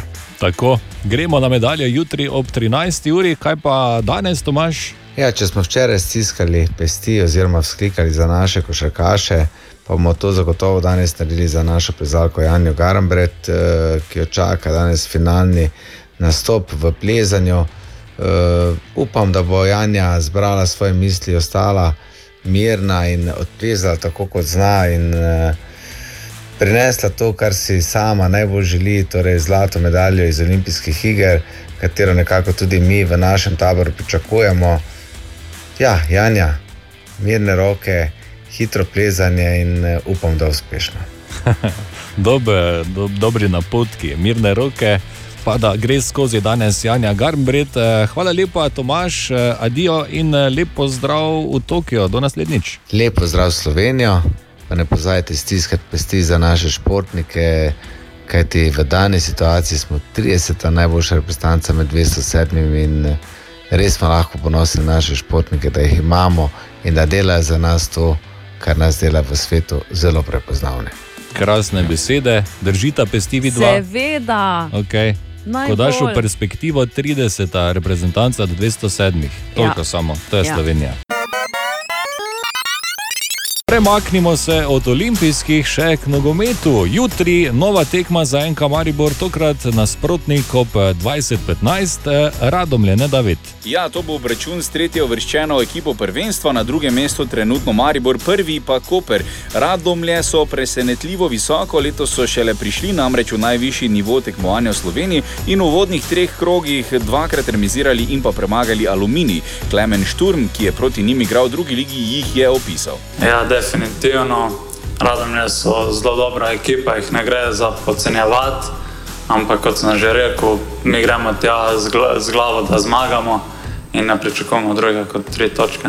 Definitivno nimajo še poraza, ampak um, so zelo dobra ekipa, zelo močna v obrambi. Na treh tekmah so prejeli le en gol, medtem jih je Maribor eh, prejel šest. Mm -hmm, je kar dosti še za popraviti v igri. Uh, pardon, se opravičujem, uh, samo trenutek. Čigavi igri? Naši igri, v igri Maribora? Ja, seveda. Ja. Ja. Si gledal ti zadnjo tekmo ali ne? Um, poslušal sem jo, če ti to kaj pomaga. Mislim, se vseeno, no, ampak veš, No, da. v vsakem primeru vsi vemo, da je moštvo mlado da, in da ta mladost ima svoje prednosti, pa tudi pomankljivosti, ne, če to misliš. Ja, to sem hotel reči, da je kar dosti za popraviti, mm. tako je dejal tudi trener eh, Rožman, ne David. Tako je. Vedno mislim, da je prav, da se stvari popravljajo, po drugi strani pa da vlečeš naprej pozitivno. Tako da zdaj v tem tednu bom rekel nekega drame, m, absolutno ni. Igravci so, bom rekel, fokusirani, uh, mislim, da dobro dober treniramo in kot sem rekel, pred nami je nov izziv. Uh, Radomelje, ker nekako moramo biti na zelo visokem nivoju, če želimo dobiti tri točke. Jutri torej četrti krok državnega prvenstva, Radom Le Maribor ob 20 in 15 minut prenos na Radio City. Tako, eh, držimo pesti torej in Maribor. Šampion. Šampion. In je čas za vprašanje za efekt še zadnje v tem tednu, izvoli. Imamo vprašanje Marka, ki ga zanima, oziroma pravi Ali tako. ptiči res ne more prodati? Ne. Ni bilo. Če Drugi sta- Marko je. Ja, drugi Marko je. Ja. Če sta temperaturi zraka in vode enaki, zakaj imamo potem občutek, da je temperatura vode nižja? Ha, petkovo vprašanje. lahko imeli občutek, ne? ker se spomnim uh, doživetja na Mauriciusu, kjer sta voda in zrak dolgo časa ista in je kar fino, je, ne? not greš, ven greš. Čakaj, mu- če prej voda malo bolj mrzla, pa je. Ja, Mislim, to po občutku. vidiš, po občutku. Dobro, Okej, okay, po tej eh. kratki krigariji sam s sabo, ne, bom se vrgal v mini raziskovanje in se, se slišimo čez kako minuto. Ne. Tine? Jaz vem zakaj. Zakaj? Evo ga. Ker ribe odprdijo. Aha, aha, aha, aha, aha, aha, aha efekt. Aha, efekt Bor. Marko sprašuje, če sta temperaturi zraka in vode enaki, zakaj imamo potem občutek, da je temperatura vode nižja? Marko, zakaj me ti sprašuješ zdaj o Markotu, če je prej to Katja spraševala, pa zdaj si je pred aha efektom dala očala. Gor. Ja, ne vem. Ja, da, bolj, všeč, da veš. boljše slišim, sem Ja, da očala. okay. torej, eh, kratek in jasen odgovor je, da voda, ki ima isto temperaturo kot zrak, se čuti hladnejša, zato ker je voda boljši prevodnik. To pomeni, da toploto tvojega telesa hitreje odvaja. In več je odvaja. Zdaj, voda okoli tebe se nas greje, ne? zato ker si ti zelo nepomemben faktor v morju, recimo, ko greš notri, kar se tiče prehajanja toplote. Ampak ti pa čutiš to kot, uh, uh kako sem se pa zdaj fajn hladil. Dobro. Malo ven na sonce. Hvala lepa, Borg Reiner, za ta znanstven odgovor. Ja, zakaj? Ali tudi vi pogosto totavate v temi? Aha, efekt, da boste vedeli več. 700 krat sem že prebral, ki je na spletu, da so iz trgovin odpoklicali to igračo, ali pa tisto hrano, ali pa ta izdelek, ali pa to, ali pa ono. In nikoli se me to ni dotaknilo nekaj preveč, zato ker nisem imel tega izdelka, da bi ga vrnil. Do včeraj. Okay. Do včeraj. Do Zgodilo se je, da včeraj. odpoklican. Kaj? Ne, jaz. Franco so odpoklicali. Mene ne. Tako mlad odpoklican. Ne, bral sem, Ne, da se je zgodil. misliš, ne, torej, milijonkrat čuješ, pa se ti pa enkrat res zgodi, pa si pa tako, aha, poglej, pa res je to, da včasih kot pokličejo, kaj si kupa. Ja. In kaj si kupa? Uh, zgodil se je množičen odpoklic jogurtov in sladoledov iz uh, vseh slovenskih trgovin.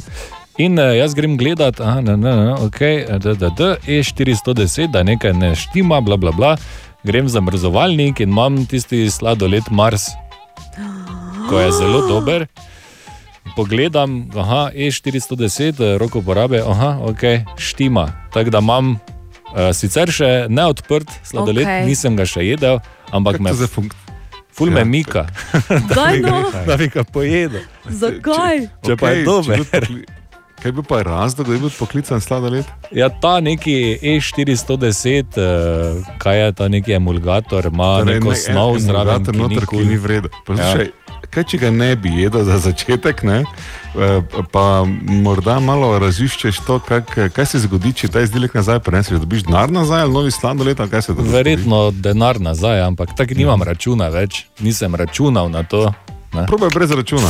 Uh, to je ena stvar, druga pa ne vem, kaj bo vikend prinesel. Ne? Mogoče bo se mi Ja, vseeno bo zaluštalo. ko boš na hrbtu ležal zaradi E E410. Tako da z, z, v ponedeljek zjutraj, če Tomaš dela, potem, potem ve, eksperiment veste, je. Da ne je ga, no, prosim, okay. Okej. prosim da ne ješ sladoleda, ki, ki je odpoklican. Mogoče ne bom. Ker ne, lej, samo malo, za trenutek pridemo dalje, tako razmišljanje. Ljudje, ki prodajajo sladoled, ja. imajo radi profit. Normalno, uh Mhm. -huh. prodajajo ga zaradi profita. Ne? Ja. In potem se zgodi nekaj, ne? Da ni čisto vse v redu, in ljudje, ki imajo radi profit, ne, raje reče, bomo dali denar nazaj, ker pomeni, da zadeva ni povsem benigna. Ne? Mhm. Škaj mislim, Mogoče da gre za eno zdravstveno težavo. Zdaj, mogoče boš še samo preživel nedeljo, pa pol ponedeljka na stranišču, ne? lahko pa je kaj hujšega, ker je pač človeško telo nepredvidljivo reagira. in Razumem. Dva ne reagirata Ja. isto. Tako ne bo, ne bi ne bo. stvari, za katere pravijo, da jih naj jej. Obljubim, ne bom jedel. Ali pač. Ne, ne, ne bom, res ne bom. Ja, Lahko pa obenem hecni. povem, že ravno pred nekaj minutami sem odprl in spet še en članek, da so odpoklicali še eno stvar. Uh, predvsem previdno, če imaš eh, doma otroke, tako da tudi Tibor. Uh, izdelek Nutricija Milupa GmbH, to je žitna kašica. In uh, lahko povzroči laktozno intoleranco. Imamo doma mi lupa žitno kašico. Eh, nimamo. Dobro, je. Okay, toliko, da veste. Torej, ne bom jedel sladoleda ali pač. Pšš, Zelo tiho.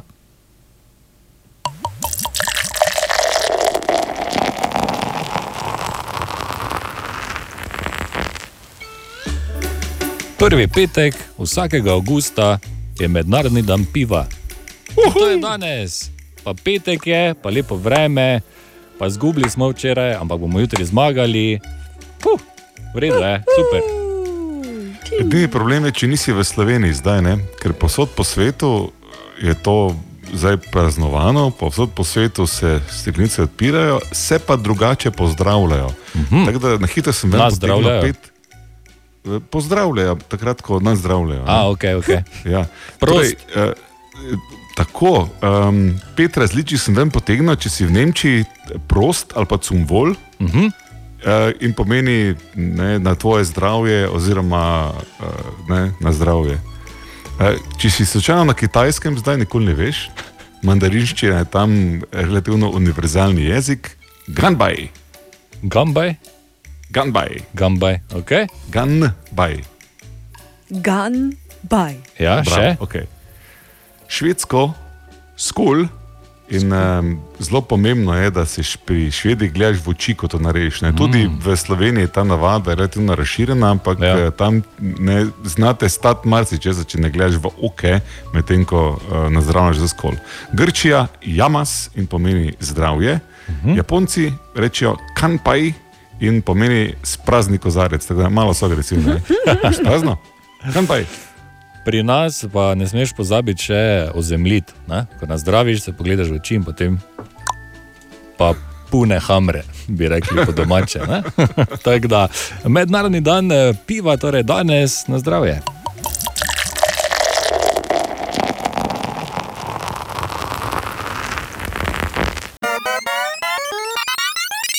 Na tem radiju, kjer imamo navado, ki so jo upeljali športni navdušenci, kot so Dejan, Tine, Šalca, Matej, da o bolečih porazih ne govorimo toliko, kot so nas polna usta zmage, ko zmaga je. ne. Okay. Razumljivo, tudi moško, kot recimo Fras je zdaj svojo daje, fan povedi, pa evo ena, ki je zabeležila ta občutek. Tiho je stal v kotu s pivom, potem ko mu je dala košarico. Ne? To tako lepo zajame, kako se mi obnašamo ob porazih na radiju. In enako se bomo obnašali po včerajšnjem nesrečnem porazu, katere občutke ste ne lahko moja anekdota starščo. Stopila je skozi vrata včeraj okoli štirih popovdne, na misel dober dan je direktno dobila, zgubili smo. In je rekla, smo, kaj si ti igral zraven, je dobila nazaj. Ja. In nič si. več, veš. Tu se, tu se je debata končala. Lepo. Igrali smo, zgubili smo in jutri bomo zmagali. Imaš eh, dober odnos s taščo? Ja, kot uh, izpovedi zgoraj navedene izhaja, ker. Samo ja bi mogel reči, pa je bilo dovolj. Petek je, dejana ni, jaz sem mikrofon. Čas je za kviz brez bora. Ja, ja, ja. To je zdaj že Ne, tradicija. meni je ne, kul. da- Ja, zdaj ti je kul, ne? Sem malega poslušal tudi, Niker je, ko- mimo grede, eh, ravno video klical pravo z trajekta, ker se pač d- ne, ožaren s soncem pohvalil, kako mu fino gre. Aha. Um, ampak koga ni, tudi nam gre lepo in lahko odigramo zdaj že tradicionalni kviz, kjer jaz na najslabši možni način opišem film, uh -huh. medtem ko ostali tekmovalci ugibajo, za kateri film gre. Okay. Taki Čakaj, pri- samo malo, uh, Dejan ti je video, eh, video klical, te je? Ja. Mene, pa- meni ni pa ne more ne? maila odpisati, ne? enega. Ja. Dobre. Ja. Poslušaj. Ne bo me v ponedeljek, ne pride z morja. Ok, ne povej. Gremo, film, uh, filmi, filmi, opisi. Smo? Ja. Okay. Za večno čast, mimo grede, nikoli ne vemo, koliko filmov bo. Ne? To je tako skrivno orožje Uh. te, te, te, te, tega kviza. Lahko jih je Napeto. pet, lahko za štiri, lahko so trije. Ne? Torej, za nesmrtno čast in slavo, ker denarja v tem kvizu ni. O katerem filmu govorim, če rečem? Vsi okoli skačejo plavi, pa eni sponiso v svojem telesu. Avatar, avatar, avatar, avatar, avatar. Ko, James Cameron, Avatar iz Za leta malo, jaz sem- 2009. jaz sem- Kultna znanstvena Sekunda. fantastika na planetu. Jaz sem razmišljal o smrfih. Jaz pa o policijski smrti. akademiji najprej. Ne, navi iz planeta Pandora so bili. Okay. Okay. Za Lahko, ne, ne, čast in sla- lahko prosim poveš, ker mislim, da imam prvič v življenju rekla, točko. zdi? Ne, prva sem bila. ja, ti ne moreš dobiti točke, še nikoli nisi. Ja, pa če sem jo ravno dobila. Okay. Katja ena, Marko nula. Za večno čast in slavo, o katerem filmu govorim, če rečem, da so šli, pa so imeli bombo v kočku, pa je šlo vse skupaj k vragu, po pa je preživel, ko bi ga mogli ubiti, kar je tako logično, ker je zgodovina tako piše. Uh, Eh, 60 seconds, ne, ne vem. Ne. Hm. Bombo. Valkirije, oziroma Walker 2008, Tom Cruise je A ta, ja, ki je ne hotel vem, če Hitlerja sem gledal. Ni šlo, ja, ja, nič hudega. Mm, mm. Dobro. E, oba dva po nič točk. O katerem filmu za večno čast in slavo govorim, če rečem, da je sam na otoku, pa žogo se meni biti. Prodalom! Prodalom! Ja, ali Castaway iz leta 2000. Jaz sem. Katja. Ja, Dve, Jaz sem imel- Marko, nula. Toma Hanksa sem imel v glavi z brado, pa sem to reč brezdomec. brezdomec. Poslušaj, brezdomec, kaj kar zaključimo, ali bomo si sramoto še dlje Ja, ne daj, zdaj pa vem film, ja. samo za O katerem sekundo filmu za kasneje. večno čast in slavo, ki je Marko ne bo danes videl, govorim, če rečem. Charlie gre v tovarno. Charlie in t- t- tovarna čokolade. Zdaj pa sem bil jaz prej. 2005. Res je. Huh, 2-1. Kaj še imaš? Dva eno? ena. Ali nimaš več, ali je zmagala? Mama, mama. Okay. O katerem filmu za večno čast in slavo govorim, če rečem, da so pubeci dva dni pred poroko šli v Las Vegas, ostalo je zgodovina. Hangover, hangover, hangover, ena, dva, tri. Marko, jaz sem ena, to a ne, zaključil. ena, Ja, koliko če si sem- take To je filme ena, ne, izbral. iz Ena, ja. 2009, komedija, pol so bili ostali deli, Hangover, del 2, Hangover, del Bravo, Katja. Končno! Uhu! Katja, Bravo. tri, Marko, ena, tu bomo zaključili. Hvala Eh, lepa. To je bil kviz brez zbora, edini kviz na svetu, v katerem Katja lahko zmaga. Bor! Dobra, mali in stari. Podcast jutranje ekipe.